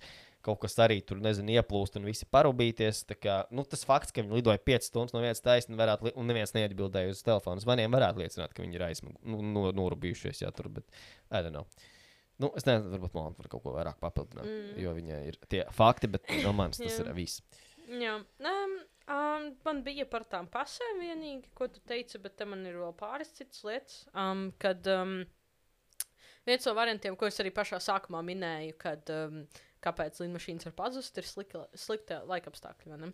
Bet uh, šeit arī, protams, uzreiz ne, domāju, ka slikta laikapstākļi, bet uh, izskatās, ka tā nevarētu būt uh, tieši šajā gadījumā, jo es. Um, Jo pēc tam uh, tur apskatījās, un tos laikapstākļus tur bija diezgan labi, kad uh, lidojums izlidoja. Tāpēc diez vai tā kā, tam sakars bija ar kaut kādiem laikapstākļiem. Un kas vēl ir interesanti, uh, citas lidmašīnas ir az- pazudušas arī tajā pašā rajonā. Tā tas nebija vienīgā lidmašīna, kas tur ir Kā, pazudusi. ir no des? Bermudas trīs stūris pēc citu versiju. Jā, Jā. nu tā kā. Jā, jā, jā. jā. Jā, tur arī jā, tur ir pazudušas reāli citas lidmašīnas. Arī, tā kā, tas ne, arī viens fakts. Un uh, kas bija par šo black boxu, kas ir nu, visām lidmašīnām? vai Jā. ne? Nu, jūs gan jau zināt. Uh, un, jā, protams, uh, nu, visās lidmašīnās ir tie black boxi, uh, kas raida tos signālus. Un kopš lidmašīnas pazušanas no tās black boxa nebija saņemts neviens signāls. Uh, kas nozīmē, ka uh, vai nu tā kaste bija iznīcināta, vai nu paņemta, vai arī vienkārši darbojās nepareizi. Es atceros vēl vienu lietu. Nu, nu. nu, tas bija arī 14. gadā. Uh, bija, nu, varbūt tā bija vienkārši presa, bet bija raksti, ka ķipa signāls iespējams esot, bet ķipa, lai tiktu līdz viņai, ir arī vajadzīgs laiks. Un kad uh, viņi, nu, tas signāls tika uzsvērts pēdējās dienās, viņi vienkārši neatrada. Nu, nav teikts, ka tas bija tas signāls, bet bija tādas runas, ka ķipa varētu būt tas, bet viņi viņu nedabūja, nu, tā kā neizcēla. Nu, ka viņiem bija diena laiks vai kaut kas tāds. Bet, nu, Mhm. ķipa, jā, tas viss. Tā, nu, ķipa, tā ir rakstīts, ka nebija, bet, bet bija baumas vienā brīdī, ka bija. Viņi vienkārši nepaspēja izcelt ārā. Mm -hmm. Jā. Uh, un tad runājot par lidmašīnas pasažieriem, kur tu nedaudz jau pieskāries, kad um, tā tad lidmašīnā bija 239 cilvēki, uh, bet vajadzēja būt vairāk. Uh, pieci cilvēki, kas iečakojās lidostā, viņi nekad neiekāpa lidmašīnā pēc tam, uh, kas liekas diezgan šeidī. Un tas pat nav dīvainākais fakts, kad viņi neiekļuva lidmašīnā, bet arī prikals tāds, ka viņu bagāžas nebija arī lidmašīnā. Uh, sanāk, ka viņi čekinojās, Bet viņa somas tika izņemtas pirms lidmašīna pacēlās. Nē, vienkārši par, par šo gadījumu es, es zinu, ka es esmu dzirdējusi arī šeit pat laikam tieši arī ar Baltiku, tieši par šo čekinu un iekāpšanu lidmašīnā, ka tā kā jā, tu iečikojies, viss kārtībā, viss tā, un tu ej jau tā kā tur uh, gatavs kāpt lidmašīnā, pasaka, um, sorry, um, mums nav vietas, kur tev nosēdināt vairāk. Un tad tu tāds. Ah, nu, ķipa overbooking. Jā, Jā, tā ir. Jā, jā, jā, Overbookings, kad, jā. kad bija kaut kāds priekals, kad pārdod vairāk biļetes nekā ar vietas. Jā, Jā. ar tādu cerību, ka kāds neieradīsies, un tad tos var nosēdināt viņu vietā. Bez maz vai Mhm. tāds, tāda loģika. Un Es nezinu, varbūt jau arī. Es, es neesmu sen lid, lidojusi ar tiem lielajiem bagažiem. Es neatceros, kā tas ir. Bet varbūt arī tā, kā tie bija tie, kurus atskaitīja, tad arī attiecīgi viņi tos bagažus izņēma ārā. Lai gan es Varbūt. nezinu, kā Malaysia Airlines strādā. Jā, esam. Ne. Nu, jautājums tad ir, vai lidmašīna bija pilna vai nebija pilna. Nu, tā kā. Nu, respektīvi, vai viņas izlika no vietas, vai viņi nebija lidmašīnā, tāpēc, ka lidmašīna bija pilna, vai viņi tur nebija citi iemesli dēļ. Jā. Kaut kāda kā. Illuminati. Jā, un, un, un, jā, un kur tu minēji, kad tās piecas stundas lidoja. Uh, un kad sanāk, ka ķipa ir teorija, ka vienkārši nu, tā kā uz Indiju mēģināja lidot for some reason. Tāpā, tāpēc, ka viņi, tāpēc viņi taisni lidoja. Un most creepy fakts, ko es atradu, kad uh, pasažieru tāluņi joprojām zvanīja vismaz četras dienas pēc lidmašīnas pazušanas. Um, uh, lidmašīnā esošo cilvēku radinieki zvanot pazudušajiem nu, tiem, um, pasažieriem, uh, joprojām varēja dzirdēt zvana signālu, un tas bija dažas dienas pēc tam, kad pazuda. Vienkārši, ka zvanā, zvanā, zvanā. Jā. bet tāpēc- oh, Gāja signāls. Jā. Tas gan ir weird. Tas Jā. ir rīktīgi. I mean, kur, kur teica kaut kādā tur, es pieņemu, ka tur, uh, nu, zonu vairs baigi neķer tur, kur viņa tā lidmašīna bija nolaidusies. tajā Viņi bija reāli Indijas okeānā kaut kur tūkstošu, nē, es nezinu, varbūt pat tūkstošu kilometru attālumā no Austrālijas. Čisti jā, tur pirmkārt zonu nevarētu ķert. Tur, tur Bet galīgi ķēra, ķēra gāja signāls kaut kādā veidā. Atlantīda. Cipelnētiši. Atlantija jau ir Atlantijas okeānā, man liekas, ne Indijas. Nu, Bermudas trīs stūrs jau arī ir tikai tajā tur. Atlantijas Nu, okeānā, tur, kur jā. mēs vēl vienu atklājām. Nē, nu, bet tas jau ir, ā, tas ir citur, tas jau ir, Indijas trīs stūrs. tas jau, tas jau ir virs Malaizijas, viņa jau nokarta mm, tagad dienvidu pusē Malaizijā pie Austrālijas. Oh. Sanāk tā, jā, jā, jā, jā. Ā, starp tev ir viss monta vai? vai? Uh, jā, tas bija pēdējais. jā, jo es pēkšņi atcerējos par, kā Pauli teica, Ryanair mērķi. Par to Ok. gadījumu. Par to gadījumu man vienkārši bija atsūtījis, un es izdomāju, uzmest viņam acis. Uh, vienkārši tā, nu, zināmā mērā, tur Ryanair tomēr. Mazliet zinām lietu Latvijā, mēs viņu pieminējām mazliet, un tad kāpēc nepieminēt arī kādu Ryanair keisu. Un uh, es nezinu, kas tas bija pa datumu. Bet, 23. maija 2021. gads. aha, Tas jā, ir par to? jā, Jā, ok. jā, nu, no, ah, jā, jā, hokejs gāja par. Jā, jā tad bija sākās arī tā. Jā, respektīvi, ja nemaldos no Grieķijas uz uh, Lietuvu lidoja Ryanair, un uh, vienā brīdī tika saņemta ziņa no Baltkrievijas, ka li, uh, lidmašīna ar bumbu. Un, uh, kad uh, lidmašīnai ir jānosēž speciāli Baltkrievijā, Ah, jā, Jā, un ja lido, lidos pāri viļņai, tad tā bumba sprāgs. Jā, jā šito es atceros. Jā, es atceros, jā, un tad viņi nolaidās Mīnskā. Un tad viņi visi pasažieri izzināja, vai kā. Bet, uh, kādā ziņā, viena no pasažieriem, man liekas, Romanis Potapenko vai kas tamlīdzīgs. Nē, viņš citās uzraksts viņam bija. Bet, nu, karoči, vien, Viņš vien. Viņš ir žurnālists kaut kāds. Eh, blogeris. Pret opozīciju. Jā, op, žurnālists, jā, blogeris, jā. Uh, viņu arestēja. Vienu brīdi vispār nezināju, kur viņš ir, kas ar viņu notiek. Pēc tam viņu izlaida ārā, viņam bija tā kā home arrest. Un es tā arī nesapratu, kas ar viņu notika. Jo es sapratu, ka viņa, nu kā viņa un viņa sieva tā kā, nu, apcietināja. Bet viņas abas izlaida ārā un beigās sievai iedeva, nu, vai draudzenei, es nezinu, viņa precēta bija. Bet nu, viņai iedeva, kroķis, sešu gadu cietumsodu, par to čalam nav nekas zināms. Bet jā, uh, nu, jā, nu, viņus tur sešas stundas, man liekas, noturēja to lidmašīnu tā Minskā. Mm -hmm. Un uh, tad viņiem jālidot tālāk uz uh, nu, Viļņu, kur, kur tad viņi attiecīgi arī nosēdās. Viļņā bija tāds gadījums, Jā. un, bet es sapratu, ka tas bija. Mm, eh, Lukašenko pirksts, kad, kad Lukašenko ķipa specijā, nu, tā bija savā ziņā Lukašenko pavēle to lidmašīnu dabūt uz Mīnsku, tāpēc, ka tur bija tas, eh, nu, tas romāns. Tas ap- bija ar Jā, viņa, jā, jā. Jā, jā, jā, un kad Un kad tas tur jau arī, kad tur atbrauca gan Ryanair, gan kas tur vēl izskatīja visu lidmašīnu, un nav nekāda bum- bumba, lai gan kaut kādas ziņas nāca no paša Palkarevijas. Nē, tur točna ir bumba. Nu, jā, vienkārši viņš zināja, ka tur tas romāns viņam viņa vajadzēja. Viņš gribēja viņu arestēt, un viņš vienkārši uztaisīja kaut kādu prikolu. Bet es, kaut, es nezinu, vai es, vai es pārlasījos, vai ne, bet es sapratu, ka tāds ēpasts bija atnācis. Jo viņiem uz ēpastu Jā. atnāca ja ziņa, ka uh, mēs esam tur kādi, tur, tie, nezinu, džihādisti vai kas Ah, tur. jā, jā, un tur, tur bija tā lielā zi ziņa, ka mēs esam tādi, tādi brāļi, un tur jums, jūs pie, mēs zinām, ka jūs lidojat, šī tā lidmašīna lido uz Viļņu, kad viņi būs Viļņā, tas sprāgs bumba, un tur galvenā odziņa pa virsmu visai tā ziņai bija beigās, bija paraksts Allahu Akbar. Jā, jā, jā, jā, jā es ar tevi lasīju. Jā, nu tas tāds gadījums ar uh, Ryanair. Es nezinu, tā arī kas notic ar to romānu. Pēdējais, zinu, pēdējais, ko es atradu, bija tas, ka viņam, viņam bija pieeja atkal Twitterim. un Tad pēdējais ieraksts ir bijis 2021. gada augustā, something tas zālē. No. Mhm. Nu, tā kā tā, mums par lidmašīnām un bermudu trīsstūriem un divstūriem un vispārējiem. Un dzimšanas dienas. visam. Un beigtām visam. Un putu nedēļām. Putnainām diennām kopumā. Jā, nu, tālāk, tālāk kaut kā esam godam nosinājuši mūsu gadu epizodi. Mēs Iesākām svinēt. iesākām, iesākām, jā, mums ir turpinājumā plānots vispār. Tu zini, tu nezini. Kā, pagaid, kādā ziņā? nu, es nezinu, kas par turpmākajām sērijām. Man liekas, ir tā, ka uh, Nu, mums jau tagad šitā ir 23. šī ir 22. un tad būs div, tagad nākošā būs 23. Nē, tagad ir 23. tagad 22. Ne, 23. Jā. Pločne? Ah, jā! Oh, Jā. no! Man liekas, ka ir precīzi 10 epizodes, kopš Paula bija. Man liekas, 12, 22. Man liekas, beigās Šitā ir sakot. 23. Ah, es biju pilnā pārliecībā, ka viņa 22. ir. Oh, shit. nu, labi, 23. ir tagad. Un tad mums ir tā kā vēl divas epizodes, un tad. Vēl divas epizodes, un tad mums ir sezonas Jā. nobeigums. Ah, man liekas, viena. Nu, katrā ziņā uh, mēs lēnām tuvojamies sezonas nobeigumam. Uh, mums vēl būs pāris epizodes, tad mums būs sezonas nobeigums. Kas ir nemaldos? Uh, tīrlists, ja?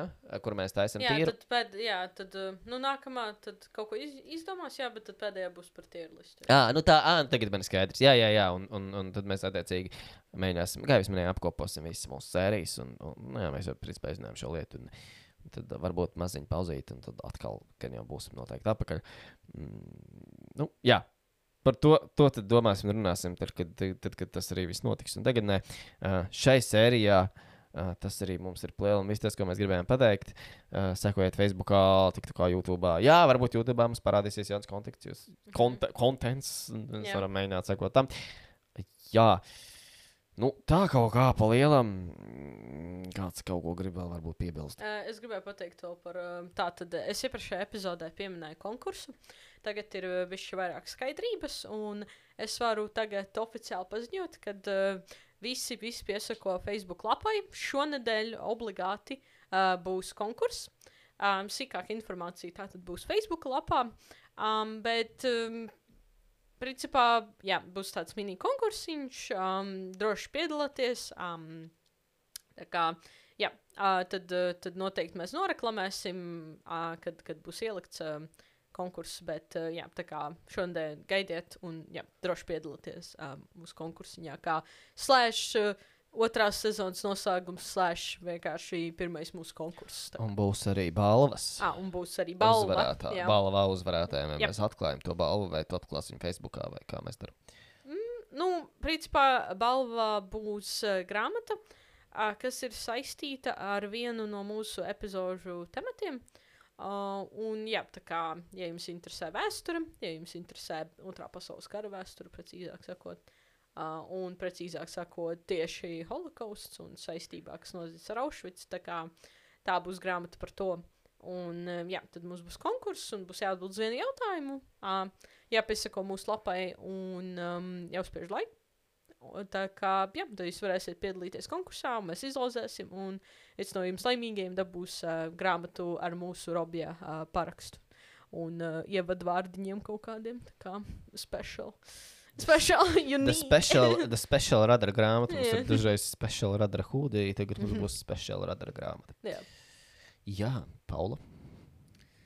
Nē, nu, prieks bija te būt. Prieks, kur tu rodies. Īsi un konkrēti. Prieks bija te būt. Viss solo. Nē, nu, forši tāds gods būt šeit Jā, mē- tieši jubilejā. Jā, Jā. Mums prie, jā, mēs vispār priecājamies, ka tu esi viesis, kurš atgriežas. Tad mums ir atgriezeniskā saite. Tā kā, mm. -hmm. kad, kad uh, kaut kādā ziņā tas tā bija arī diezgan liela tava vēlme. Nu, tas nebija tā, ka mēs tur vai Pauli, lūdzu, atnāc, mums vajag viesu. davai." Tā, nē. Tas bija apsē. Bet, uh, jā, tā kā ir, prieks redzēt, kad viesis atgriežas. Ir prieks, ka uh, tu te esi, ir forši. Jā, es nezinu, ko, mēs varam vēl vairāk piebilst. Uh, nu, jā, tiekamies uh, nākošajās sērijās. Jā. Tiek. Ja Pāvils, mēs tevi redzēsim vēl kādā sērijā. Ja man aicinās, es nāku gan jau. Tas vienmēr ir aicināt. Vēl jā, tie, kas nākamreiz. Labi, e, tiekamies. Tiekamies. tiekamies nākošajā sērijā. Čau, čau, čau. Bye. Nē.